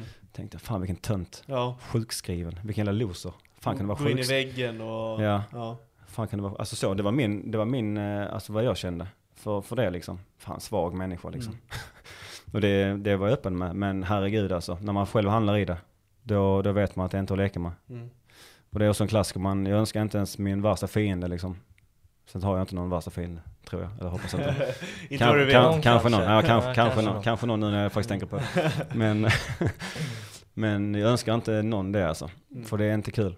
Jag var ju aldrig typ så här att jag skulle, jag var aldrig självmordsbenägen. Alltså så att jag skulle tagit klivet utanför, nu kommer tåg och, och så liksom. Det var inte där. Men jag gick upp varje dag med känslan, det gör ingenting om någonting händer mig. Mm. Den känslan hade jag. Jag hade inte tagit steget till att det ska hända. Men i mitt huvud hela tiden, "Ah, det är inte så farligt om någonting händer nu liksom. Skönt. Mm. Typ den hade jag. Den känslan. Och det, höra det som familjemedlem och sånt, det kan ju inte vara så jäkla kul. Så jag Nej. vet ju att, och det sista jag ville var ju belasta min familj också med det. Så man gick och höll och höll och höll och höll och höll på det. Och så hade den här liksom masken, shit, ingen får märka detta nu. Men eh, till sist så märkte eh, pappa frågade mig till bara en straight up fråga en dag, så sa jag bara typ, okej, om jag får bestämma själv, ge mig en tablett på söndag som gör att jag vaknar på fredag och kan gå ut och festa fredag, lördag. Mm. Då bor jag i Helsingborg. Då kan man bara festa på fredagar och lördagar. Ja. eh, och sen ger man tablett igen på söndag. Så, så kände jag. Måndag, tisdag, onsdag, torsdag. Nej, alltså det, Det är svårt att ens tänka när man själv inte ens har varit i närheten och... nej, det är så. Så där, där var jävligt, det tog ett tag. Då tog pappa, nej fan det här är, det här är nu rätt in till vårdcentralen och då fick man gå sån här utredning och sen så ville de att man ska ta ett psykolog. Och det vägrade jag också det. Fan ska de hjälpa mig med? Fortfarande det här, nej. Det kan jag dra åt helvete, jag behöver inte någon psykolog, jag löser detta själv liksom. Mm. Så tog det två, två och ett halvt år nästan. Innan jag, då hade jag till och med hunnit flytta till Stockholm tror jag. Eller tre år kanske till och med, det var så här. Tror jag han flyttade till Stockholm.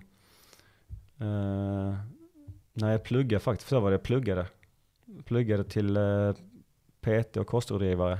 Och då, kände, då satt jag en dag på Rish. Och satt själv som i en Hollywoodfilm. Och bara satt och drack shot efter shot efter shot. Mm. Och såg mig själv i en sån liten spegel som de hade. Mm. Och där någonstans så bara vaknade jag. Då bara fick jag den här, shit, fan nu, nu går det inte längre. Alltså jag fick typ, nu bara såg mig där så bara skämdes jag typ. Över så som jag liksom hade blivit. Och då fick jag ett wake-up call och då började jag typ, kan jag faktiskt ta hjälp? Och då gick jag till psykolog, men jag gick till olika många. För jag tyckte ingen kommer hjälpa mig ändå. Så jag gick dit med lite så, så här, ja, jag lunkar väl dit, liksom så här. Eh, men inte, inte på riktigt. Man vet, ni vet kanske själva, typ så här att man säger man ska, nu ska jag börja inte äta chips från och med på måndag. Mm. Sen går det fan inte mer än tre dagar så sitter man och käkar chips liksom. alltså lite den eh, attityden, eller nu ska jag träna varje dag liksom. Nu ska jag springa en halvtimme på bandet varje dag. Så går det fan inte lång tid om man inte har det här riktiga, riktiga målet framför sig. Så det är otroligt svårt Mm. att göra saker. Eftersom att man har, man har ju levt typ ett målsättningsliv som idrottsman eller idrottskvinna. Och när också målen försvinner och de här, man vet vad som är på andra sidan. När man inte ser det så är det också jävligt tufft. Mm. Men gick i alla fall iväg och eh, träffade ett par psykologer. Eh, testade till och med sån här, du vet, när de, eh, healing typ. Mm. Du vet, de ska stå så här och låtsas röra på dig och sånt ju. Nej, jag känner inte igen Ja, det. ja, ja, ja, jag har hört om det, Ja, ja. ja. Så jag skulle blunda och så skulle någon göra några jäkla ljud och grejer. Jag tänkte, Mm. vad fan är det här för skit alltså? Ja. Alltså typ så. Ja. Jag var inte mottaglig egentligen. Nej. Men sen då så träffade jag till sist en, eh, en, en då, då gick jag och bytte från psykolog för att jag kände det, det ger inte mig någonting. För det är mycket så här, vad hände innan, trauman och sånt. Jag, jag har inget trauma från barndomen och sånt ju. Mm. Utan min, min trauma är mer att fotbollen försvann. Mm. Och att jag har trauma för att jag inte har skärpt mig. Jag bara inser att jag fuckar upp liksom det. Och den här eh, vanliga världen, förlåt om man säger så. Nej men, du fattar. Eh, fan vad den är tråkig. Mm. Här vill inte jag leva i. Detta är skittråkigt. Gå och jobba och sånt. Fy fan alltså. och då fick jag ännu mer ångest för jag tyckte fy fan vad jobbigt. Jag måste göra det varje dag. Göra någonting som jag inte ens vill. Bara för att jag måste göra någonting. Och så började jag bli att tycka att samhället var fel uppbyggt. Att vad fan kom på detta att man ska jobba. Alltså, så började jag hitta fel på det liksom. Så det var en ond cirkel och ond spiral. Men till sist kom jag då till, eh, och bytte till KBT. Och träffade en, eh, en person där. Och första meningen som eh, hon sa, eh, när jag berättade liksom då om varför jag var där, då sa hon att en idrottsman, idrottskvinna dör två gånger. När karriären tar slut och sen då när man eh, alltså dör på riktigt då. Mm. Och det fick mig att tänka, den här, hon här ska ha, hon här är bra. Bara den meningen gjorde att, okej hon förstår kanske den här. Den Ja. första jäveln som kanske förstår liksom vad jag går igenom. Så det här ska jag ge en chans.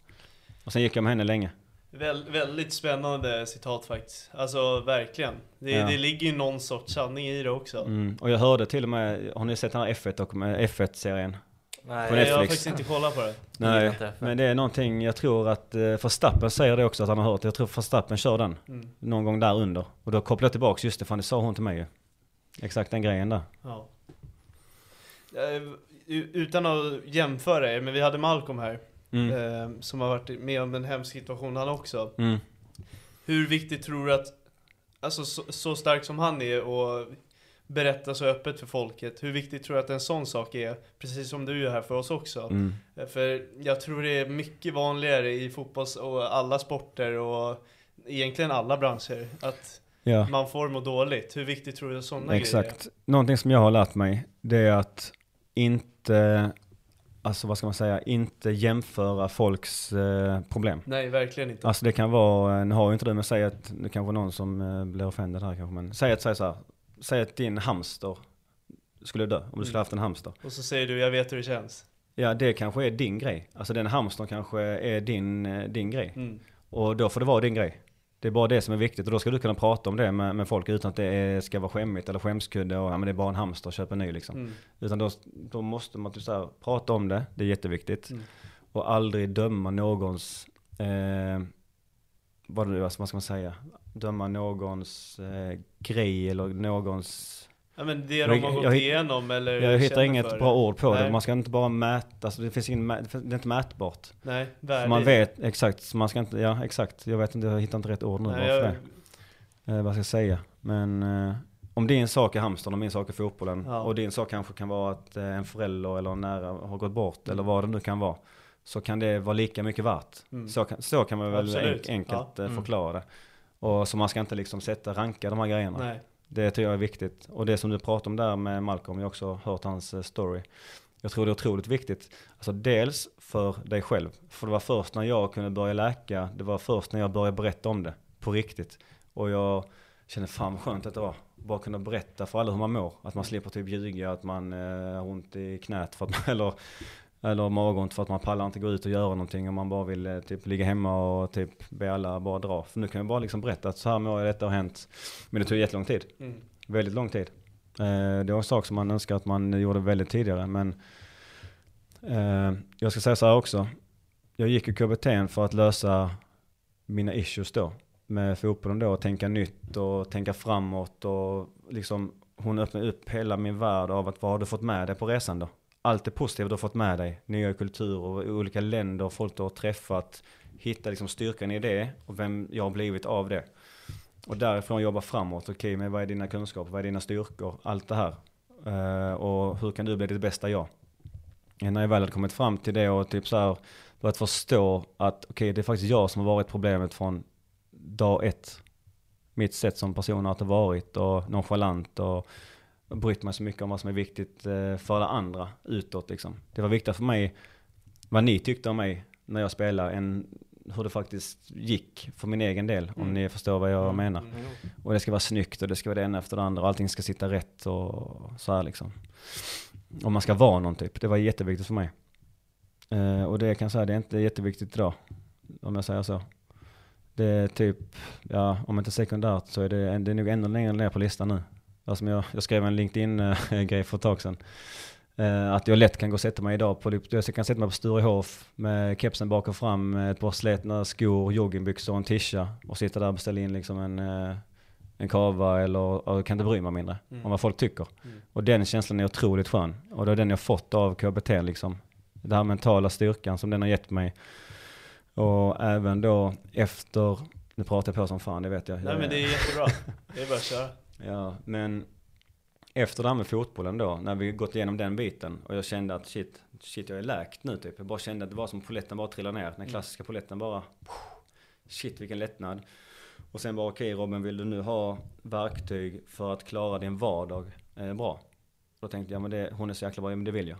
Så jag fortsatte ju med KBT även efter jag kände att det här med fotbollen hade healat mig. Jag var läkt liksom på den, på den delen. Och jag hade börjat komma upp mig, jag hade börjat jobba, jag hade börjat så få ett bra liv. Eh, och då eh, så körde jag, fortsatte med henne där ett tag. Tillsammans med det, plus då att jag är väldigt nyfiken och vill lära mig mycket om, typ så här, om hur, hur man fungerar, hur hjärnan fungerar och allt sånt. Så låste hon upp, typ, hon gav mig nycklar till alla lås. Så att idag kan jag typ sortera bort saker så sjukt snabbt. Alltså jag typ vaknar alltid upp glad, jag är alltid pigg, jag är alltid tacksam. Nu låter det väldigt så här klyschigt allting, men, men hon gav mig nycklarna till att alltid må bra. Och typ att småsaker sålla bort. Öppna den dörren och bara smäll igen den liksom. Gå igenom den dörren. Det kan vara allt från att, eh, som folk eh, kanske kan vara, såhär, ah, nu är Ubern sen, fan jag måste boka om. Då kan det förstöra liksom en hel dag för någon. Eller typ att någon har typ så här rutiner. Nej men får jag inte, kan, får inte jag äta min frukost i lugn och ro så är hela min dag förstörd. Alltså sådana grejer finns inte hos mig längre. Eh, hon har lärt mig att bara se, bortse från de grejerna. Hur mycket tror du hade hjälpt dig om du sprang på den här personen mitt under din fotbollskarriär? om vi Herregud, säger vid ja. Nordsjälland till exempel. Herregud vilken skillnad alltså. Ja. Hade klubbar haft, klubbar skulle haft detta i tidig ålder. Mm. Redan på elitsatsning.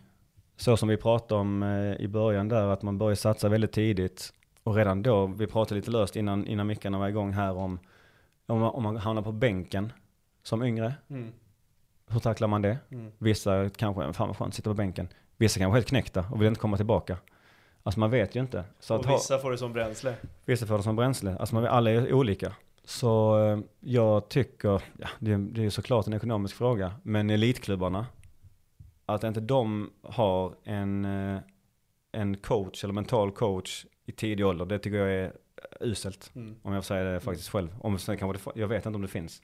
Men finns det inte så tycker jag det är uselt. Jag tror inte ens det finns på högsta nivån i vissa klubbar. Så Nej. eh, det, det är verkligen en eh, bättringspotential, alltså verkligen Ja. ett verktyg man kan lägga till i en förening. Ja, exakt. Alltså typ bara att man har, alltså det, alltså varför har du en kurator på skolan liksom? Mm. Du har en kurator för att kunna prata om saker som är jobbigt. På sko- varför ska du ha det i en, i en elitsatsande klubb liksom? Mm.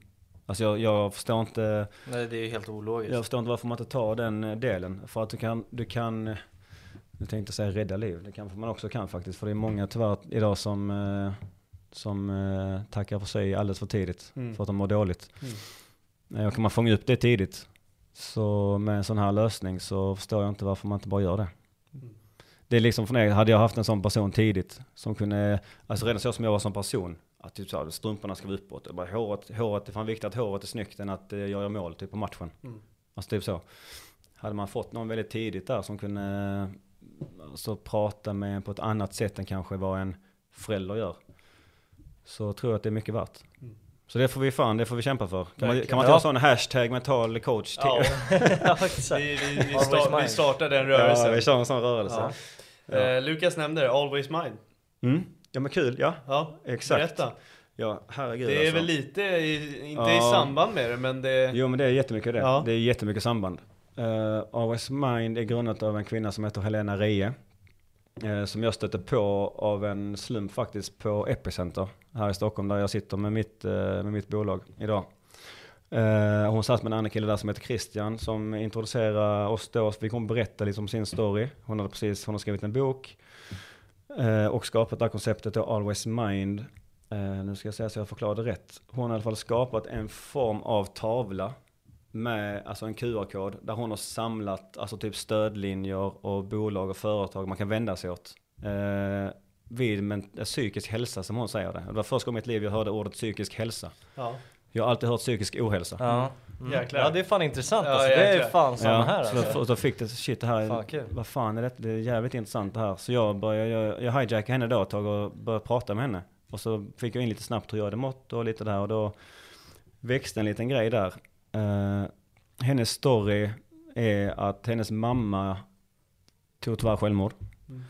Eh, och så som hon har berättat om sin mamma för mig, för jag har varit på en föreläsning som då Helena och Helena haft, är att hon var väldigt lik, alltså mig, alltså så väldigt extrovert, glad, lite så här sprallig, clownig, hade det väldigt, alltså, hade ett väldigt bra liv. Men då från ingenstans eh, liksom, ja, väljer att avsluta alltså sitt liv.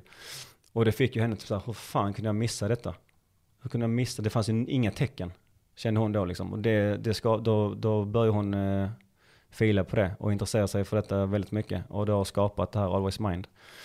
Eh, sen har vi suttit ner ett antal gånger, jag och hon har pratat. Eh, och faktiskt kommit fram till att vi ska starta ett samarbete. Hon är själv, kommer själv från ridsporten. Eh, så vi kommer att öppna, tillsammans kommer vi start, skapa ett litet ben i Always Mind. Som riktar sig mer mot idrott. Mot idrottsföreningar, klubbar. Det kan vara allt liksom. Det kan vara ridning, fotboll, hockey, basket, eh, golf, schack, ja, ja you name it. Eh, där vi ska liksom då gå ut och försöka alltså berätta våra, våra berättelser. Eh, och förhoppningsvis så kan vi öppna denna fråga ännu mer. Den är ju rätt mycket på tapeten nu som tur är. Det börjar hända lite, så det är skönt. Men vi hoppas kunna få nå ut och ja, också en klyscha, men kan man bara hjälpa en så är vi mer än nöjda faktiskt. Mm. Så nej, otroligt bra initiativ från henne och jag är otroligt skitstolt att hon har valt att, eh, att ta med mig på detta. Jag behöver också ofta, jag behöver en liten spark i baken ofta och hon har verkligen gett, gett mig den här eh, knuffen. Så det är jättespännande. Hur kan man få kontakt med er då? Om jag tänker ur, en klubbs perspektiv, om det sitter någon och Ja. undrar. Nej men hemsidan, alwaysmind.se, Mm. eh, där, där kan man hitta oss. Eh, vi kommer också nu börja aktivt att höra av oss, såklart, till eh, föreningar, det kan till och med alltså, arbetsplatser och så vidare. Eh, hon jobbar ju med detta. Eh, hon har ju sitt egna ben också, där hon åker runt till företag och så. Men det kan ju finnas företag som är intresserade av detta också, som vi har pratat om. Mm. Eh, nej, så det, nej, jag hoppas verkligen att, eh, att denna frågan alltså, upplyses mycket, mycket mer. Mm. Och så, för att det, är- det är inte roligt alltså. Nej. Alltså det är inte roligt att vara, hon har ju sin del, det är inte kul att vara den heller som missar typ kanske tecken. Det är otroligt viktigt att kunna se tecken också. Eh, där på det så sätt kan man också rädda någon ju. Eh, och sen så är det inte alls roligt att hamna i skiten heller. Mm. Och vara den som mår dåligt. Så att vi har ju en perfekt match egentligen. Vi kommer från olika håll. Så jag tror att det kommer bli väldigt, väldigt bra. Jag känner också, kan vi hjälpa på något sätt så gör vi det också. Så vi länkar hemsidan i samband med Ja, av, avsnittet och Snyggt. vår text och så. Ifall det är någon som Ja. känner att det låter intressant. Det är en som TV4 att man inte får eh, promota sig själv. Nej, nej, inte riktigt. Nej men, Men det är en bra sak också. Ja, Det ska sägas. kan vi hjälpa någon Ja. via det så gör vi det också jättegärna. Ja, nej, exakt. Nu blev det lite deppigt här på slutet, men eh, fan, det ibland får det Alla vara, känslor är ja, bra känslor. Ibland får det vara lite deppigt. Absolut, Ja. jättegärna. Eh, jättegärna ska man inte säga, men det är klart man ska gå igenom sånt också. Ja, nej men det är viktigt. Och det är därför och- du har formats i den, det är förlåt. Ja men det är det alltså det, det, alltså det är exakt så det är. Alltså med, både med den här KBT'n, med eh, att öppna upp sig och prata och, och så, så är det liksom den som jag blivit idag. Alltså typ, det är en helt annan människa som sitter här idag. Mm. Och jag tror att de flesta personerna säger också att de är en helt annan människa från när de var 15, 20, 25, när man sen kom upp som jag nu är 35. Mm. Men det är ju en mix. Jag hade nog inte varit så här som jag är idag, alltså upplysande och, och, och skarp på de här grejerna och ser saker från ett annat sätt om jag inte hade gått KBT. Mm. Jag hade ju säkert haft alltså fallgropar och, och fallit ifrån och, och mått dåligt. Sen ska jag säga så här, jag mår dåligt också ibland. Det är inte så att jag, att, att jag har tränat bort mina känslor på något sätt. Det är klart som fan att jag också kan må dåligt. Men jag mår dåligt, fel, rätt anledning finns det ju inte, men av, av saker som är större, som, är, som påverkar på ett annat sätt. Att det kan vara jobbigt, typ som jag säger med ett lägenhetsköp eller räntorna hyser. eller när det finns liksom ett, ett problem som faktiskt kan påverka inte bara mig själv utan familj och vänner och sådana grejer. Då såklart att man, att man, att man känner lite oro och, och att man eh, kopplar på sina känslor. Men eh, det hon har lärt mig är att koppla på logiken alltid. Det är det hon har lärt mig. Hoppa direkt logiken, tänk, agera eh, och så. Mm. Ett litet dåligt exempel, om jag får bara dra ett, Mm. ett, ett litet eh, dåligt exempel. Eh, man kan ju göra väldigt mycket praktiska övningar när det kommer till saker. Men när det väl blir, alltså att det händer. Då vet man ju inte hur man reagerar. Men så sen som jag och min tjej gick ut sån HLR-kurs. HRL-kurs. Ja, HLR. Ja. Eh, nu eftersom att vi får ett, en liten bebis eh, här inom några veckor. Eh, och då tänker jag direkt där, alltså det här är jag typ tränad till. Mm. Alltså skulle det bli action nu Instinkt. så löser jag detta tack vare alltså KBT. För jag kommer koppla bort och veta vad, ett så vet jag vad jag ska göra för jag går utbildningen. Mm. Och jag vet att blir det, alltså händer någonting så vet jag att jag kommer koppla, från, koppla av känslan och gå rätt in i vad jag ska göra. Eh, och jag tror just det som KBT gör, i alla fall för mig. Eh, många andra som kanske inte har gjort det då. För man tränar ju, man tränar ju sin hjärna på något sätt i, i det här med KBT. Och har man då kanske någon som inte har gått det och då kan det mycket väl att när det väl händer, när väl situationen är där så vet man inte hur man kommer att reagera. Det kan vara att man, man, kan, man blir helt panik, alltså man kan få panik och man kan bli stressad och, och så liksom. Så kan väl kanske avsluta med att fast att du inte har något trauma, fast att du inte går igenom någonting jobbigt, eh, fast att du anser själv att du mår bra som person, så skulle jag ändå ge ett råd att gå typ eh, någon form av eh, mental coach, KBT, psykolog. För det är, det är en egenutveckling, om man säger så. Du vinner jäkligt mycket som person på det. Jag känner många som gör det typ i par också. Som säger att de har det fantastiskt bra för att de går tillsammans på sådana här grejer och lär sig mycket om varandra. Och så, man slipper mycket otroliga tjafs och onödiga bråk. Och, alltså man får bara typ en, en lättare cruise genom livet helt enkelt. Mm. om, man, eh, om man säger så. Eh, fantastiskt, det, jag tyckte om det här att det ändå kan vara lite negativt. Jag, Mm. jag brukar alltid tänka, det finns ett jättefint citat. Eh, det är de regniga dagarna som får oss att uppskatta de soliga. Ja, mycket Ja, bra. Den gillar jag gå igenom, så Ja. det är lite så jag känner. Ja, det känns nästan som detta är två avsnitt. Så att du skämtar mycket i början. Ja, Sen, så blev det, sen, sen, så, sen så blev det allvar. Jag känner mig lite så här nu. Fan, eh, känner Ska mig... försöka piffa upp det med lyssnarfrågorna. Ja, lyssna frågor och... Ja. Det finns lyssnarfrågor. Ja, Ja, det finns. Absolut. Finns det intresse alltså? Ja, det fanns faktiskt. För, Helvete. först har vi... då är det sista lyssnarfrågor. Mm. Mm. Spännande. Eh, och eh, det har blivit en del. Eh, du har redan svarat på en av dem. Ja. Eh, bäst, eller du sa att du brukar få den frågan i alla fall. Bästa spelaren du har mött? Oj, mött. Alltså ska man säga, alltså jag har ju tränat med Henke, jag har tränat med Kocha. Jag mötte ju Blackburn där, så det måste vara någon i Blackburn då alltså. Ska vi säga, för någon som var riktigt hypad på ett tag, det var alltså Benny McCarthy. Mm. Han var ju riktigt hypad på den tiden, han har jag ju mött. Det, det var en grym spelare. Ja, eh, alltså Gams Pedersen var också på plan då. Robbie Savage var på plan. Samba, stora mittbacken, var på plan. Tyvärr så var nog inte Nisse på plan alltså. Så förlorade han inget avtryck på mig i den matchen. Nej exakt. Nej. Nej. men det var- ju ett jäkligt starkt lag, Blackburn på den tiden. Mm. Så jag skulle säga, alltså det är en liten dom där är kanske så om man säger de, de namnen där. Ja. Dorsin Eh, kanske?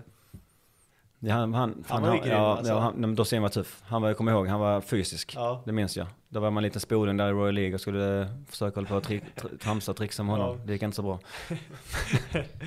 Du, får jag Ja, kör. Mm. Du som har spelat med JJ Okocha och eh, Henke Larsson, Mm. utöver dem, vem är den bästa spelaren du har spelat med? Fotbollsspelare måste jag tyvärr säga Gotcha. Mm. Jag kan tyvärr inte säga Henke. Eh, Alltså utifrån mitt sätt att se fotboll. Men det som såklart Henke har åstadkommit är ju wow. Mm. Och så ju. Men fotbollsspelare och coacha. Jag hade betalt för att kolla på coacha men jag hade inte betalt för att kolla på Henke. Om du inte får välja någon av dem då? Mm, ja, utöver dem. Vem tar pre- tredje plats? Eh, Om vi tar bort de eh, Alltså den är jag övermänskliga killarna. McDonald Mariga. Ja, han, han var riktigt bra. McDonald. Mariga. Han var fan till och med Champions League med Ja, Mourinho. ja, han var Mm. riktigt Ja. bra. Han var i Helsingborg då när jag var Mm. där. Alltså det var ett bra lag i Helsingborg. Andreas Jakobsson. Spelade inte Wanyama där? Hans bror, han var, Ja. han var provtränare. Ja, Men jag vet inte om han kom in. gjorde, han spelade väl en säsong då? va? De är bröder. Ja, De ska vara syskon tydligen. ja. Men jag vet jag inte riktigt. Det, det finns olika uppgifter om det om man ja, säger ja. så. Nej men det var ett bra Helsingborg-lag. Maj Malango. Maja Malango, Mm. eh, vi hade Erik Wahlstedt, Granqvist har vi inte ens nämnt. Granqvist, Andreas Landgren. Ja. Oj herregud alltså, Luton Shelton. Gick Alvaro Santos? Nej. Nej, han är... Så gammal är jag inte. Nej. Men han spelade efter också. I Helsingborg va? Mm. Mm. Ja. Ja. Har det varit jobbigt att bli jämförd med brorsan hela tiden? Eh, alltså till en början så tyckte jag att det var det. Eh, om jag ska vara helt ärlig. Eh, eftersom att min karriär, jag såg ju att det började gå ner för Och just då så började Alex komma upp sig. Så det var ju tufft. Eh, men nu i efterhand såklart så är det ju bara typ en fröjd och eh, alltså man är bara så jävla glad för, han- för hans skull. Jag var glad på den tiden också, självklart. Men jag kan ju skämmas lite ibland idag att jag inte var så genuint glad kanske som jag borde ha varit. Men nu i efterhand, alltså vilken, vilken karriär han har haft. Eh, det är få förunnat, det är inte alls många som har, har det. Så att all cred till honom och allt vi har gjort ihop och så vidare. Eh, Sen hade vi faktiskt, vi har en, vi har en yngre bror också. Eh, jag och Alex där, en liten sladdis. Mm. Eh, Filip. Som, eh, han har erkänt själv att han var inte någon supertalang så i fotboll och försökte och, och så liksom. Men eh, såg upp till oss och han tyckte nog det var lite halvjobbigt också. Mm, såklart. Men han faktiskt har kämpat på idag så är han eh, som 26-åring tränar på heltid. Eh, nere i Högaborg. Som är ju en talangfabrik nere från Skåne då. Ja just det, där Martin och Marcus Martin, Olsson Henke. Henke Larsson, bland annat Khalili-bröderna, Ja. Seidan, eh, Mustafa Seidan och hela gänget, eh, de kommer från den klubben. Så han, han eh, otroligt duktig måste jag säga eh, på det han gör. Var, eh, var i Jönköping Södra, nu tyvärr så åkte de ur där och, och skickade hela, hela, Hela gänget. stammen. Hela, hela stammen ja. Men han, han eh, otroligt duktig, jag tror att han har en ljus framtid för sig. Ja, Lite, men- eh, Kim, Kim Hellberg, eh, eh, alltså i sitt tank, i tankesätt med fotboll. Framtung, framtung fri fotboll. Exakt, Ja, exakt. ja men häftigt Så, att eh, kunna använda alltså, Mm. bröder som har haft framgång som eh, bränsle på något sätt också. Ja, nej men exakt. Så är det. Jag tror han har gjort det. Det har nog varit lite halvjobbigt för honom också om jag ska vara helt ärlig. Mm. Eh, Sen så har han kunnat sväva lite också på det. Säkert ju. Eh, lånat Alex bil och så vidare vet du, och flasha runt. Mm. Ja så. just det. Eh, typ så. Men eh, nej, jag tror att han går nog i en väldigt, väldigt ljus framtid. Mm. Eh, till mötes inom, som tränare. Vilka vinner allsvenskan? Kommande säsong då? då? Malmö. Mm. Men jag tror inte att de joggar hem nu som alla säger. Nej. Det tror jag verkligen inte. Alltså ingen springer hem allsvenskan. Mm. Jag tror inte det. Eh, så stor skillnad är det faktiskt inte. Vilka är de största utmanarna tror du? Mm, om Häcken får till det. Mm. Eh, Djurgården med himmet är ju kittlande. Jag tror, ja men Djurgården känns, Djurgården med Albin, om han håller sig skadefri. Mm. Uh, Baj, alltså nej jag vet inte. Alltså, Alltså, det känns är Djurgården- typ mina. Ja, ja, jag känner, ja men Elfsborg, Djurgården på det, för Djurgården känns alltid tunga på något sätt. Mm. Jag känner att Djurgården är nog där och, och håller på liksom. Jag hoppas Och har rätt. Häcken om de får till, får till det. Ny tränare i och för sig. Många som drar, Mm. Sonko stannar kvar så jag. Ja nu blir det mycket här. Men jag säger Djurgården, Häcken. Mm. Vad tyckte du om Adrian Podde som blev en stor förebild för dig under HIV-tiden? Ah, kolla nu det. Adrian, nu, det, nu har han skickat in den själv, det kan jag säga. Adrian, nej men Adrian, jag gillar Adrian. Ja. Han är riktigt, riktigt skön. Ja, han är en bra kille. Var det någon som du spelade i Helsingborg med? Nej, Adrian Pode är, nej faktiskt inte. Det är någon, eh, om det, om det är rätt Adrian jag tänker på nu, så är det faktiskt en, en person som jag har blivit vän med bara för typ så här ett och ett halvt år sedan. Okej. Här uppe, men det är en Skånekille som har spelat i, bland annat i Lund och så vidare i division 1 och, och så. Mm. Vinnare av Love Island Jaha! förra säsongen i Wow, Sverige. wow, okej. Om, om det är rätt Adrian nu. Ja, ja. Ja. Det, är, det är bra förklickningar, eller hur? Ja, han bor på den adressen om ni, om ni vill ha cash, om ni vill ha extra exakt, cash. exakt. Vi ger ut den till den som swishar. Ja. Eh, hur kändes det att lillebrorsan körde i HIF och du i HEIF? H-E-I-F. Det, brukar, det är en sån Bajen-grej att så här, vem, vilka är de riktiga HIF? Ah, ja, Jaha, det är okej. alltid bråk mellan Jaha, Helsingborg ja, och okej. Hammarby. Okej, just det, det är HIF, HIF ja. Ja. Eh, alltså man kan Vilka säga- är de riktiga HIF? Alltså jag, jag, sä- jag säger att HIF för mig är ju vårt Helsingborg. För jag har aldrig hört någonting annat. Nej. Men alltså om man går på nu, alltså nu är ju, det är fortfarande för mig Helsingborg som är HIF, HIF. Mm. Men jag tycker ju att alltså Bayern där de är idag, så har de ju gått om. Så de får väl, de får väl leda den Nej, stå Ja, på bra. dig nu. Räkna SM-guld istället. Nej men jag gillar Bayern alltså, Ja. jag ska ärlig. Jag tycker om Bayern. Alltså jag hade ju en Jonas Barney började spela där, en, en, en som jag känner väldigt bra, en vän som vi har spelat med tillsammans. När han började där så åkte jag med hans bror mycket, Tarek då, och kollade på matcherna. Mm. Då blev jag Bayern-fan. Att det går, tyvärr så går det inte att bli någonting annat när man kommer till Tele2. Som typ så här neutral. Ja, som neutral person och komma till eh, Tele2. Eller gamla Söderstadion. Mm. Då får man ju, får man ju skit för det också. Så. Ja, ja. Nu blir jag arg här. Nej Ja. jag skojar. Eh, nej men då, jag bara drogs med. Och sen så spelade jag som man, en person som man känner också liksom, då blev det så. Mm. Eh, och sen så kom Alex dit. Mm. Så, så Bayern det är fortfarande faktiskt. Jag gillar Bayern eh, idag med. Mm. Jag vill att det ska gå bra för Bayern och, och så. Vad tror du de slutar? Så jag hoppas de kniper, kniper en Europaplats. Jag tänker, jag är lite rädd för det här syndromet nu. Alltså ni, vi har ju sett Potter i Brighton. Om vi jämför Värnamo och Brighton kanske. Mm. Och det sen går så, att dra de liknelserna. Ja, och sen så Mm. går liksom Potter vidare till Chelsea och nu har jag glömt bort vad han heter. Eh, tränaren. Kim Hellberg. Ja, så han drar till Bayern. Mm. Det är Det Chelsea är, li- då. det är, li- ja, exakt, det är Chelsea. Och vi ser liksom... För jämför. Ja men alltså ni Ja, ser men jag Alltså, men- menar. Från mindre Ja. till en större. Ja, det är samma samma, ty, samma spelare, det är samma Ja. typ av fotboll. Men man ska göra det med ett lag som ska vara här. Mm. Eh, och varken Potter lyckades inte Mm. med bättre spelarmaterial. Eh, så det ska bli spännande att se hur han löser det. Verkligen. Eh, det var den Är du sista... orolig nu? Nej, jag är absolut inte orolig. Nej, det var, det var den sista. Det var det? Ja. Det var ändå lite kul med frågor, det trodde jag inte skulle komma någon fråga. Jo då, faktiskt. det kom. Jo. Ja. Det, det behöver du inte vara orolig över, det kom. Nej. Ja. Ja. Är det ni som hittat på frågorna? Adrian Podde, ja, jag vet inte ens vem det Ja, är. Den Sorry, men ja. ja. Sorry Podde, men jag vet inte Ja, vem du är. Snyggt Ja. efternamn i alla fall. Och eh, där brukar vi avsluta avsnittet. Det här var ju Nej. väldigt bra. Ja, det, det tror jag säkert. Jag är rätt så, jag har blivit rätt så kritisk mot mig själv. Nej men... Eftersom eh, att det är så viktiga grejer. Alltså Ja. jag vill, vill att eh, att det just ska de här... bli så bra som möjligt. Ja men jag vill att just de här grejerna vi pratar om eh, lite mer mot slutet med mental hälsa, psykisk hälsa och de här grejerna.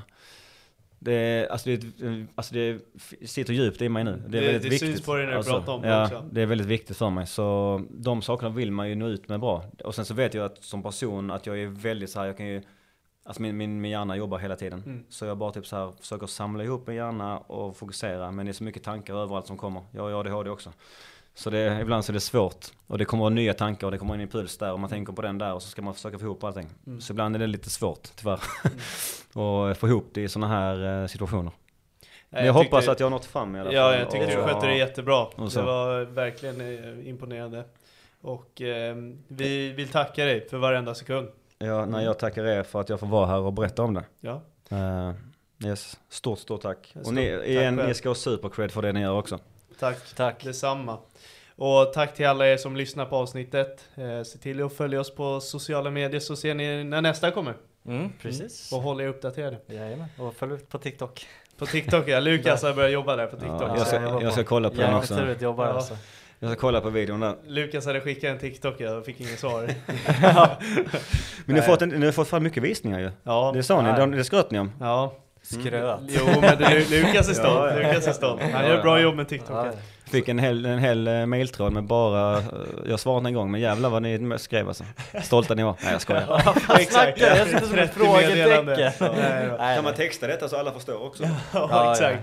Skånska Det- det sa ja, min- Helsingborg är faktiskt den bästa skånskan skulle jag Ja, säga. min flickvän sa det. Jag tänkte på det när Alex var i Bayern faktiskt. Det var så, fan, så jävla Men min tjej sa det, tänk nu på att du artikulerar och att du pratar, du kan prata så jävla snabbt. Hon är från Uppsala. Så anledningen till att vi är tillsammans tror jag är för att hon fattar inte vad jag sa i början. Så det är, där, Ja, så det är därför, vi, därför vi är tillsammans då tror jag. För att hon eh, inte hörde liksom. Inte någonting. Exakt. Nej. Nej men tack Robin. Nej men stort tack. Och tack till er som lyssnar. Jajamän. Ja, Ha det bra. Ha det bra.